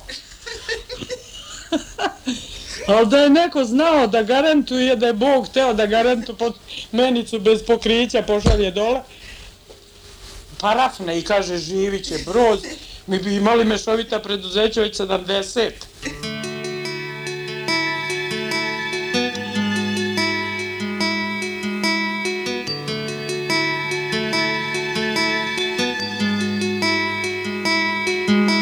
Samoupravljanje je bilo jače oružje od atomske bombe. To ja tvrdim, iako je on to dao fiktive radi. Pazite, mi smo se mogli držati toga. Ja, e, e, 70. neke godine e, student na pravnom fakultetu Radomir Lukić mu postavlja pitanje pa ga pita koji je najjači akt u zemlji, on kaže cirkularno pismo SDK. Ne ustav, ni savezni, ni republika, ni pokrajina. Cirkularno pismo službe društvenog knjigovodstva. I to je bilo tačno. Od 530 i ne znam koliko je bilo opština, svaka je bila država. To je tačno. To je tačno. A ko je, ko je krao po, po, po Jugoslaviji i upropastio državu, to su bili direktori i sekretari komiteta. Bili su članci recimo 69. u Ninu da od dinastije Obrenović nije bilo boljeg mermera ugrađeno nego u vilu Šarenca, onog direktora Metropola. Ono što mene boli, što će oni da zadrže to što su pokrali. Otkad je svijeta i vijeka, kažu, sjaši kurta da uzjaši murta. Neko taj posao mora da radi, da vlada narodom, da ne kažem neku ružnu reč.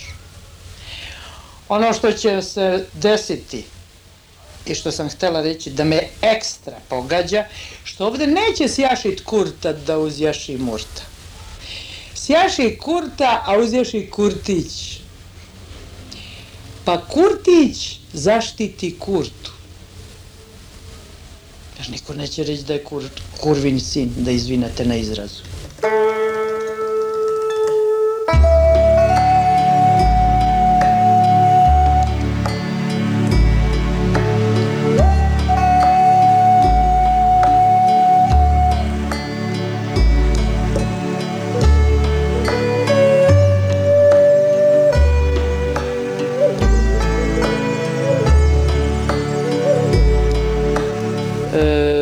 Večera na Zlatiboru jedna je koštala sedam stanova, koje sam ja prisustvovala toj večeri. Latinke Perović, muž, skine cipele 43 i sipa šampanjac i pije iz svoje cipele. Zato kažem, ovi ne znaju ni da piju šampanjac. Ne znaju ni iz čaša, neko li iz cipela. Hoće li se naći neko da pošteno to napiše? Sve. Mi su bili s- sileđije. Oni su vedrili i oblačili. Oni su se tako i ponašali. Samoupravljanja je bilo koliko sam ja bila na Marsu. Ja sam s- 80 i ne znam koje godine podnela krivičnu prijavu protiv Titini sledbenika i njega pokojnika. I navela sam zbog prevare. Pa ja sam Broza tužila i nje, zato što je izvršio kontrarevolucionarnu delatnost 45. Kad je došao na vlast, shvatio da ne zna da vlada, on proglus- proglasio da im revolucija teče. I tekla im je do juče, tako rekuć. Nikad se izbistrila nije. To im je bio izgovor. Kroz to su oni sve provlačili kroz to samo. Međutim, da sam ja imala mojih ovakvih i Titu bi smijenili samoupravno.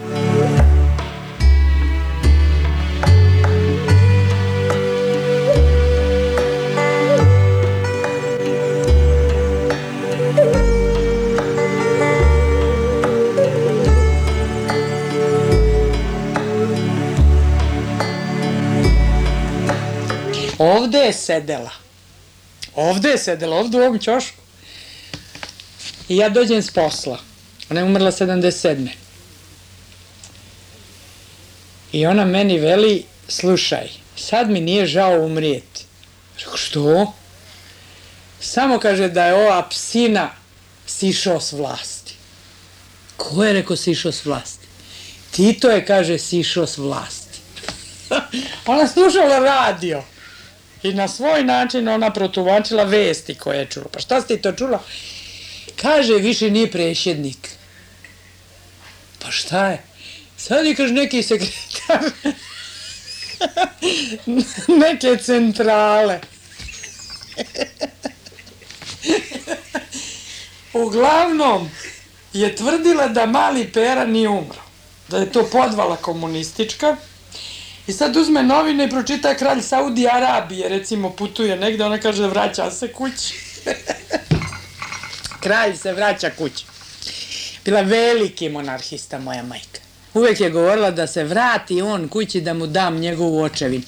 E vidite, iako je za, za tom zemljom moj neki pra predak crko, moja je majka smatrala da je to očevina Karađorđevića i uvijek je govorila ovim komunistima, vama ne dam ništa. Vi ste lopovi kokošari, a kad dođe kralj, ja ću njemu vratiti njegovu očevinu.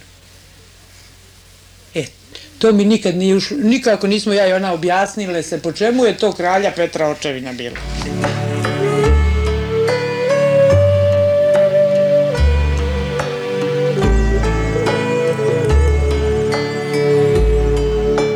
Poštovani slušalci, još malo fantom slobode. U Bosni se inače, za vašu informaciju, ništa dramatično ne događa. Srbi se povlače, avioni NATO nadgledaju. I na kraju i dalje, naravno, govori Zagorka Jovanović. A za zemljom crko mog džeda Đurana, džed.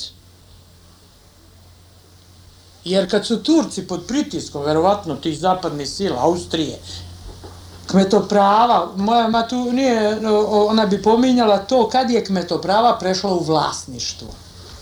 Znači da je to bilo ono klepalo, telal viče po Hercegovini, po Bosni, da se obeleži zemlja ko je šta radio. Ko je koliko radio. I sad, mog džeda Đurana džed krene u izlazak sunca, udari šiš kod kućice, jel? A šta je šiš to? Pa bele, bele kolac, kolac. Pa krene. I sad on krene, ali učini mu se, ma bolje da on malo desno. pa malo desno, pa desnije, pa nizbrdo, pa uzbrdo, pa, ali nikako levo, znači da sam ja desno orijentisana. ja mogu samo biti konzervativka.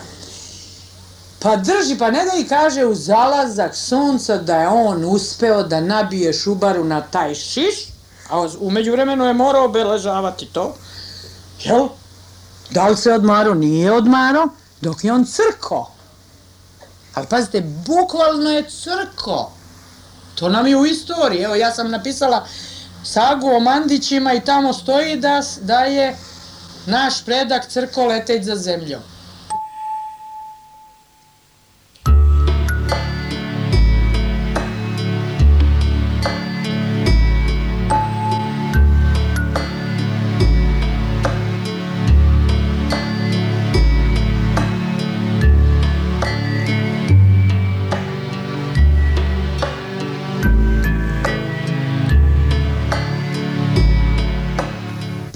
Kažu, zemlja u rukama Srb, Srba.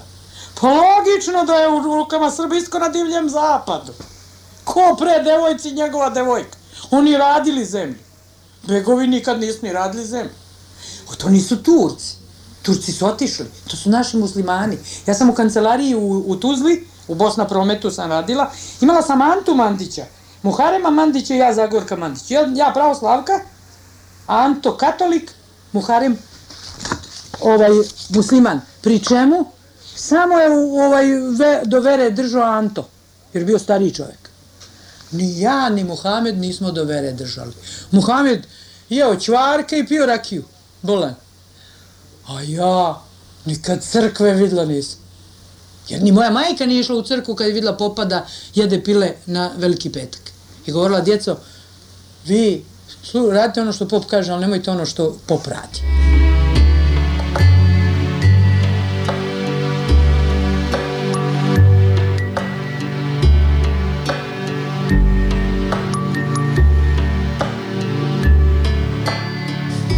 Ovaj rat vode starkelje koji su se izmakli, busaju se u srpske grudi pravoslavne, a ne krsti, ne kršteni.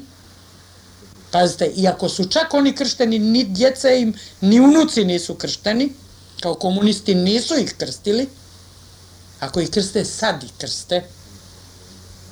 Pazite, a tu crkva nosi svoj krst i da sam na Pavlovom mestu, ne znam kako bi umrla.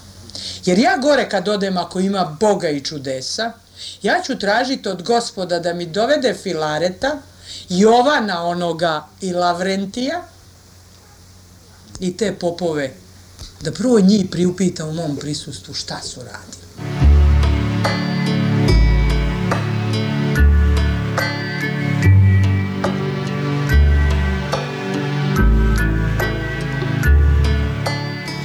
Ali mi Srbi smo slobodarski narod. Mi trpimo 5-6 stotina godina i nećemo više. Ja.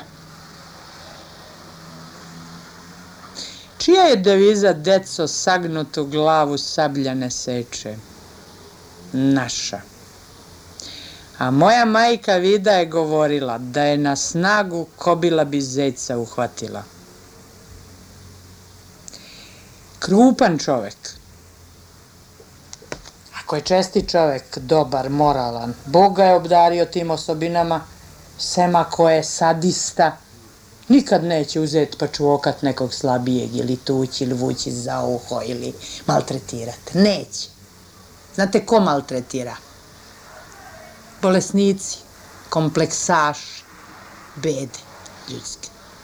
Ja sam Srbiju tako gledala i svađala se sa svima da smo mi Srbi takav narod. Moj brat tuče ženu i kaže, majku ti tvoj, nećeš ti mene da ostaviš. Ja ću tebe da ubijem.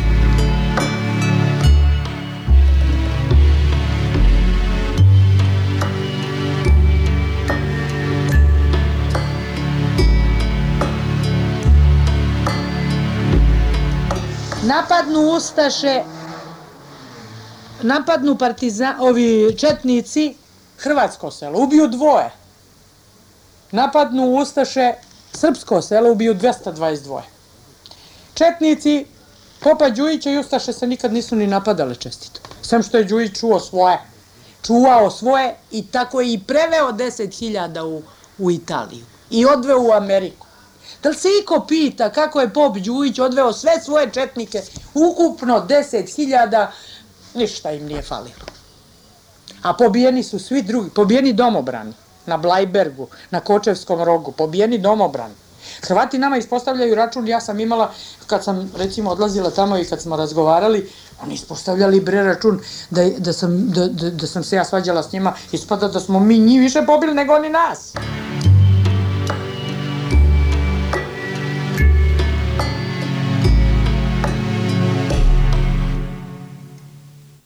Sam bila takva srpkinja, da to nije bilo normalno.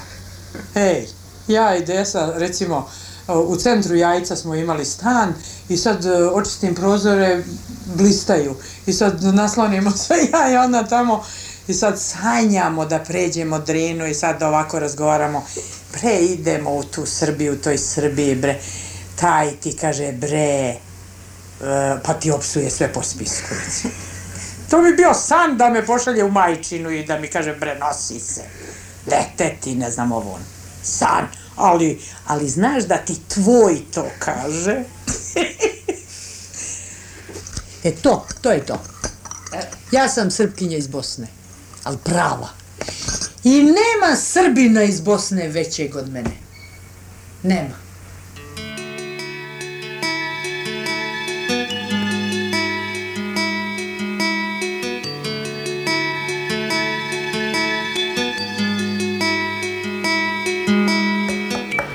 Znate šta je najgore kod komunista? Što, su, što je postkomunizam nacistički. Ono što dolazi posle komunizma. Oni postaju nacisti. E sad se ja pitam, da li je to da bi sačuvali ono što su pokrali? Ili su stvarno to bili? Ako si komunista, onda nisi Srbi. Izvini, ti si internacionalan tip. Više tip nego internacionalan ako si ti komunista. Ako si bio komunista, ostani komunista. Ja cijenim jedino od svih Stevana Mirkovića. Čiča, bio si, ostao si, alal ti vera. Skidam ti kapu, bez obzira što bi ti skinula glavu da nisi tako star.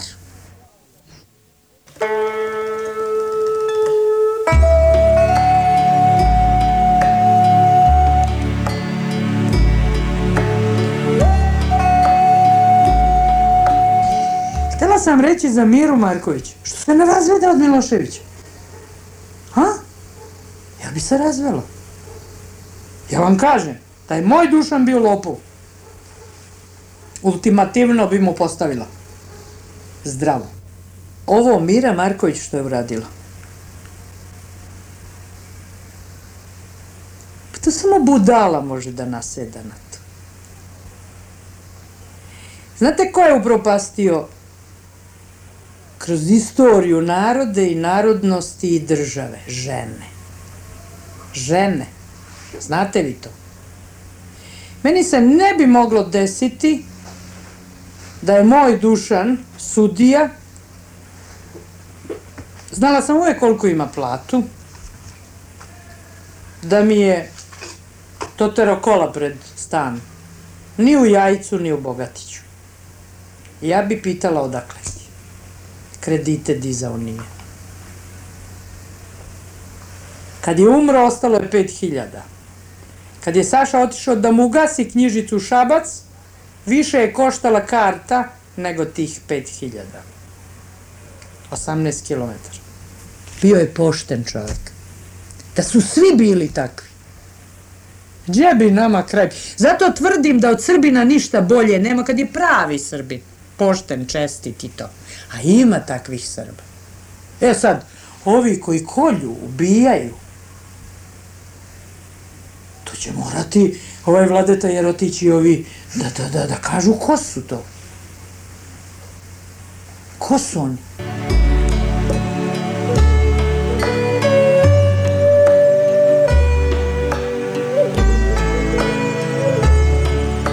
Meni je otac ubijen u Jasenovcu. U Jasenovcu ubijen.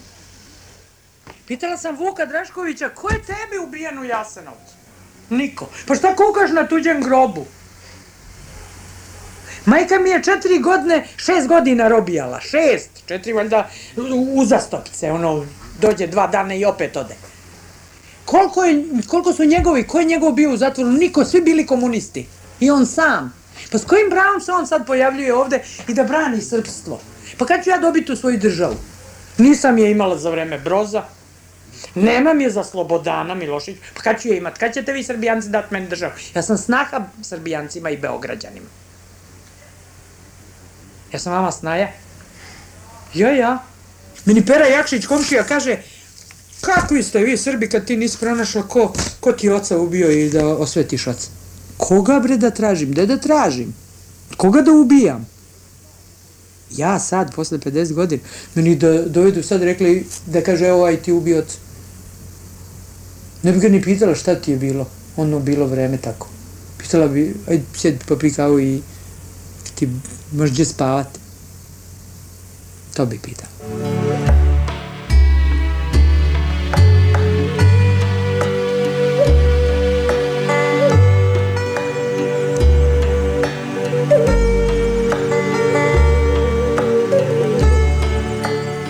Taj mi stariji brat, najstariji brat, ima 60 godina već.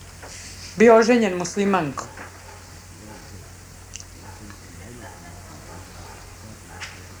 Na stranu, da ne pričamo o toj ženici, bila je i dobra i lepa i pamet. Džemila se zvala, ali zvali su je Džina. I majka je mnogo volela. Ali, imali su ono, peh su imali, pa im se deca rađala, onaj negativan rezus faktor ili tako nešto, uglavnom neslaganje to. I rode im se da li jedno ili dvoje mrtve dece. I na kraju se raziđu oni. I on kad se ženio, ženi se sad jedno 12-14 godina mlađom od sebe, srpkinja je, i ima njegova žena, ova druga srpkinja, ima rođenu sestru, koja je udata za muslimana. Kad vi, taj čovjek živi u Beču sa tom svojom ženom. Sakib se zove, a Kibo ga zovu. To je ljudeskara kakvom gospod Bog samo kad čovjek, kad Bog na, obdari nekoga i visinom i dobrotom i ljudstvom, svim i svačim. I mog, moj brat, kad je krenulo ovo zlo, pa baš u Banja Luci kad je bile one parole, kad su pjevali Slobodane, pošalji salate, bit će mesa, klaćemo Hrvate. Zovem ja kasnije brata, baš telefonom i kažem šta se to dešava tamo. Pita on, šta si ti, kaže, opet to tu nešto srala pisala od to. On mene pita. Reko, čitajte to što vam ja pišem. Nemojte po nacionalnoj osnovi. On poče, to su Turci. Reko, šta ćeš ti s kibom? Kaže, ubiću Turčina. Molim? Ubiću, kaže Turčina. Pa čekaj, rekao Jovane, znaš kako ubiti Turčina? Pa čekaj, kako ćeš, ono, jo, Sakib i Koka imaju dete. Malu, Sanelu, koja je sestra od tetke tvoje Vanje i Violete. Kako ćeš posle objasniti? Tom djetetu i Koki, kako si joj ubio oca, zašto? Kaže, oni su meni oca ubili. Ne, on je mene, kaže, oni su, on je mene izdao kad je vjeru promijenio. Kojoj ti, reko, to vjeri pripadaš? I opsuje mu vjeru, onako izrikom. Kaže, oni su meni oca. Ko ti je rekao, bre, ubio oca? Oni su mi ubili oca. Ja sam takve ružne reči njemu rekla, pljunula u slušalicu i drmnula i rekla, nema šta.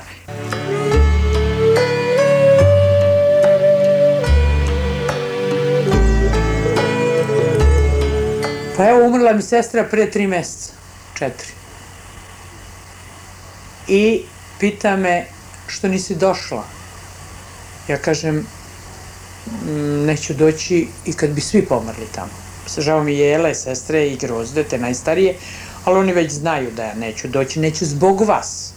Jer ja neću da odem tamo i da stanem ja, više mrtve sestre, i meni priđe od sestre sin, Vojin, Vojkan, Vojkan se zove, koji ima ženu muslimanku i dva sina sa njom, koji je od Turkinje napravio Anđeliju. Ajde što ženu, ma dva sina. A kažu pokrstio taštu. Pa sad njih dve srbuju tamo. Pa zar ne vidite, kaže, piše muslimanima i psima ulaz zabranjen. U Banja Luci. To da sam znala kad mi je Jovan bio tu, ja bi fino ustala, otvorila vrata, posle sam pročitala, posle neki dan, kako je sve počelo u Prijedoru i Banja Luci, ja bih rekla izlaz napolje. Devet puta da si mi brat rođen. Ne zanima me tako brat. Imam sestre koje su manje više misle kao ja, za razliku od braća. Hoće svoju državu i sad očekuju gast arbajtere odavde da im idete tamo malo radit, jer oni kažu ne mogu oni stvarati i veliku Srbiju i da oru njive i kopaju. Što ima logike. jo, jo, ne može se Srbija tek tako stvarati.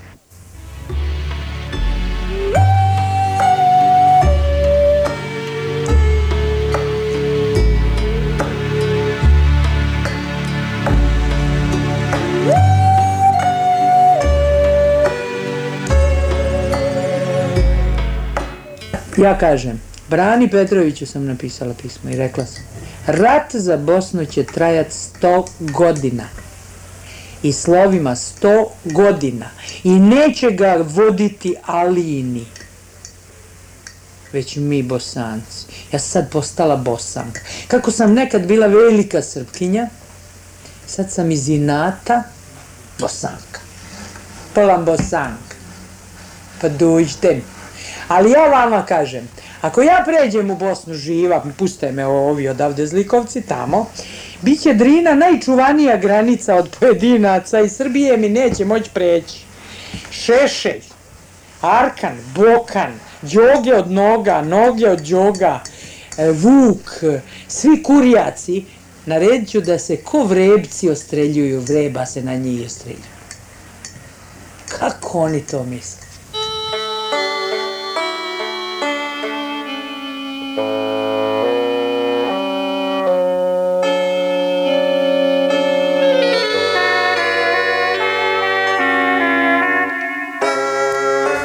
Razgovaram s koleginicom u 28. i ona meni kaže Sead se žali da je na prinudnom odmoru i da je to po čisto nacionalističkoj osnovi to. Sad ja kažem, ma daj bre, čo, ženska glava, rekao, poslednji put kad smo na ušću je dovodio, za njih je radio. Za partiju i, i slobu i direktore i to. Sve su direktori SPSS-ovci. Moraju, ne može biti direktor ako nije. I kad sam videla transparent livno pozdravlja Srbiju, meni puklo odmah bilo jasno. I sad dva lifta ja im- ima u Makedonskoj i, i ja pred jednim stojim i dolazi Sead. Rekao, jeli koliko i dovede. Kaže, šestoro, devetero, šta je, zar ne nađe više, rekao, svjesnih građana u Lijevnu. I sad mi tako razgovaramo o transparentima, o ušću, o livnu, o ovom, onom. Tek jedan u šarenoj košulji, onako ima ga dva metra u širinu. Sram te, kaže bilo. Molim? Sram te bilo. Što reko sram me bilo? Kaže, livno je srpski Rim. Jes, rekao, Bogu mi, Isto koliko je Dubrovnik, Nikšić na more. Kad ti je rekao Livno, srpski Rim, što ti nisi oko srpskog Rima? Šta ćeš ti u 28. djetiću? Vidim po govoru da si crnogorac. Blago meni stavi ti pancir crnogorski. A to ti dođe pršut sprijeda, pršut od pozadi. Pa navali. Tu se mi do politike. Tu ja silazim. I sad silazi jedan čovek i jedna žena. I oni. I tako onaj čovjek meni veli. E, znate, kaže, gospođo, mi smo mislili do Kalemegdana. 28. ide do tamo. Ali smo sišli da vam kažemo svaka vam čast. A reko, ko ste pa vi sad? Puče meni film. Tek onda. Dokle ću ja, reko, sve bitke da bijem za vas, Beograđane i Srbijance. ako, moj, u moju selu kažu, ako si majka, pokri se. Ne vjeruj mi noćas Svakog časa nudit ću ti više.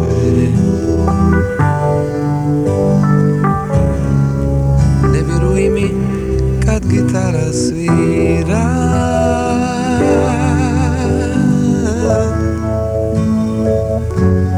I padaju kiše iz zlatnih visina. Sve je to od lošeg vina Ne ljubi me noćas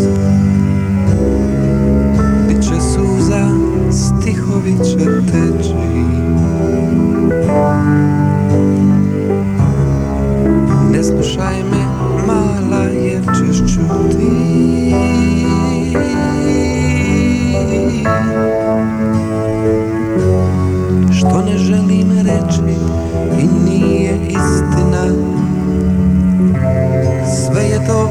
lošeg vina Slušali ste Zagorku Jovanović, ona je inače po profesiji stenograf u osiguravajućem zavodu Dunav. Slušali ste emisiju Fantom Slobode, napravili su je Uroš Bobić, Svetlana Vuković i Svetlana Lukić. Srce nudi više no što 25 minuta je do 1 sat, slede vesti. vina Sve je to od lošeg vina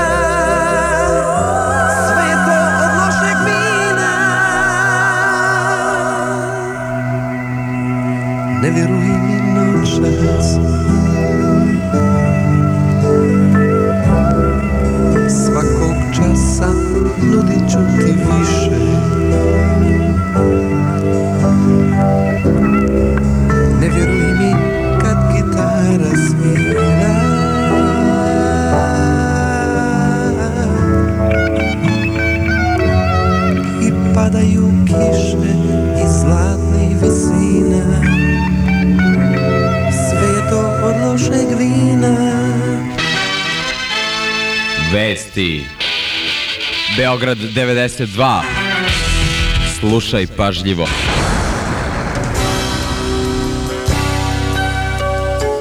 Dvanaest sati i 36 minuta, ovo su vesti radija B92. Jedinice Vojske Republike Srpske na Goraždanskom frontu nakon što su prošle noći omogućile bezbedan ulazak snagama Ujedinjenih nacija u Goražde, angažovane su danas na sprovođenju sporazuma koji su juče potpisali predsjednik Republike Srpske Radovan Karadžić i Asušija Kaši, specijalni zaslanik generalnog sekretara Ujedinjenih nacija, saopšteno je danas u komandi Hercegovačkog korpusa. Protekle noći kao jutros snage armije Bosne i Hercegovine su samom Goraždu namerno izazvanim eksplozijama pokušavale da imitiraju artiljerijski napad srpskih snaga kako bi intervenisala avijacija NATO pakta. Avioni NATO pakta su u ranim jutarnjim satima nadletali Goraždanski front, ali nisu borbeno delovali, tvrde srpski vojni izvori. NATO je spreman i čeka na izveštaju Ujedinjenih nacija o situaciji u Goraždu, izjavila je za radio B92 predstavnik za štampu komande Južnog krila Zapadnog vojnog savezu Napolju Melanie Morel. Ona je dodala da prema informacijama kojima NATO raspolaže, Vojska Republike Srpske polako, oruđe po oruđe, povlači svoju artiljeriju iz okoline Goražda. Specijalni predstavnik Ujedinjenih nacija u bivšoj Jugoslaviji, Asuši Akaši, odbio je noćas zahtev NATO-a za vazdušnim udarima zbog navodnog artiljerijskog napada Goražda, potvrdio jedan visoki funkcioner Ujedinjenih nacija koji je želeo da ostane anoniman. Po njegovim rečima, Kaši je procenio da situacija na terenu ne iziskuje vazdušne udare, jer su snage bosanskih Srba počele da se povlače na pozicije precizirane Beogradskim dogovorom. U dva časa posle ponoći, kada je istekao ultimatum NATO-a Srbima u Bosni, predsednik Republike Srpske Radovan Karadžić izjavio je novinarima da od ponašanja Srba nikada nije zavisilo da li će NATO snage bombardovati položaje oko Goražda. Na pitanje da li veruje da će snage NATO pakta bombardovati srpske položaje oko Goražda, Karadžić odgovorio ako oni imaju razloga, a nemaju volje, bombardovanja neće biti. Ukoliko imaju i razloge i volje, bombardovanja će biti, a ako nemaju razloga, a to žele, opet će biti bombardovanja. Predsednik Republike Srpske je dodao da je stoga veća mogućnost da će se NATO odlučiti za vazdušne udare iako za takav potez nema razloga. Mi u osnovi ne primamo ultimatume i nemamo nikakvog posla sa NATO-om. Čuli smo da je NATO izdao ultimatum, ali on nama nije oficijalno uručen i teško da bi mogao da bude uručen jer mi nismo članica NATO saveza, rekao je Karadžić. Međutim, dodao je on, mi imamo dobar sporazum sa Ujedinjenim nacijama da se završi kriza u Goraždu. Uzdamo se u konvoju Ujedinjenih nacija koje već stiga u taj grad da će zaštititi civile koji ostaju kod svojih kuća u Goraždu, kao i muslimanske civile, zaključuje Karadžić. Ujedinjene nacije su protekle dve godine grešile u Bosni i Hercegovini, izjavio je danas televiziji BBC generalni sekretar Ujedinjenih nacija Butros Butros Gali. Ujedinjene nacije, rekao je Gali, nisu imale i još nemaju jasnu i doslednu politiku prema Bosni. Nemaju jasan stav jer, precizirao je Gali, to ne žele zemlje članice Ujedinjenih nacija. On je podsjetio na primere Kambođa i Salvadora gde su Ujedinjene nacije uspešno obavile misije, ali to je zbog toga što su zemlje članice to htele. Sa Bosnom je drugačiji slučaj još uvek, pre svega u Savetu bezbednosti, ne postoji spremnost zemalja članica da se zauzme celovit i efikasan stav prema Bosni. Gali nije precizirao koje to zemlje koče politiku Ujedinjenih nacija u Bosni i Hercegovini. Vazdušni napadi, bez obzira na ultimatume, naglasio je Butros Butros Gali, ne mogu biti naređeni bez odluke komanda Ujedinjenih nacija u Bosni i bivšoj Jugoslaviji. Osoblje Ujedinjenih nacija na zemlji, insistirao je on, nadležno je za odlučivanje o izvođenju vazdušnih napada, a NATO ih izvodi. Predsednik Savezne vlade dr. Radoje Kontić izjavio je danas da se u slučaju Goražda ponovio napred utvrđeni scenarij odlaganja mirovnog procesa i širenja ratnog požara, do sada široko primenjivan u Bosni i Hercegovini. Kontić je podsjetio da bi svaki put kada bi mir bio blisko, bliska realnost ili pregovori između zaraćenih strana zapali u Ćorsokak muslimanskom ili hrvatskom krivicom, Srbi bili sprovocirani na ratna dejstva ili je insceniran masakr civila, čime se neminovno odlagao mirovni proces i širio ratni požar, izjavio je savezni premijer Radoje Kontić. 20 je minuta do 13 sati bile su ove vesti radija B92.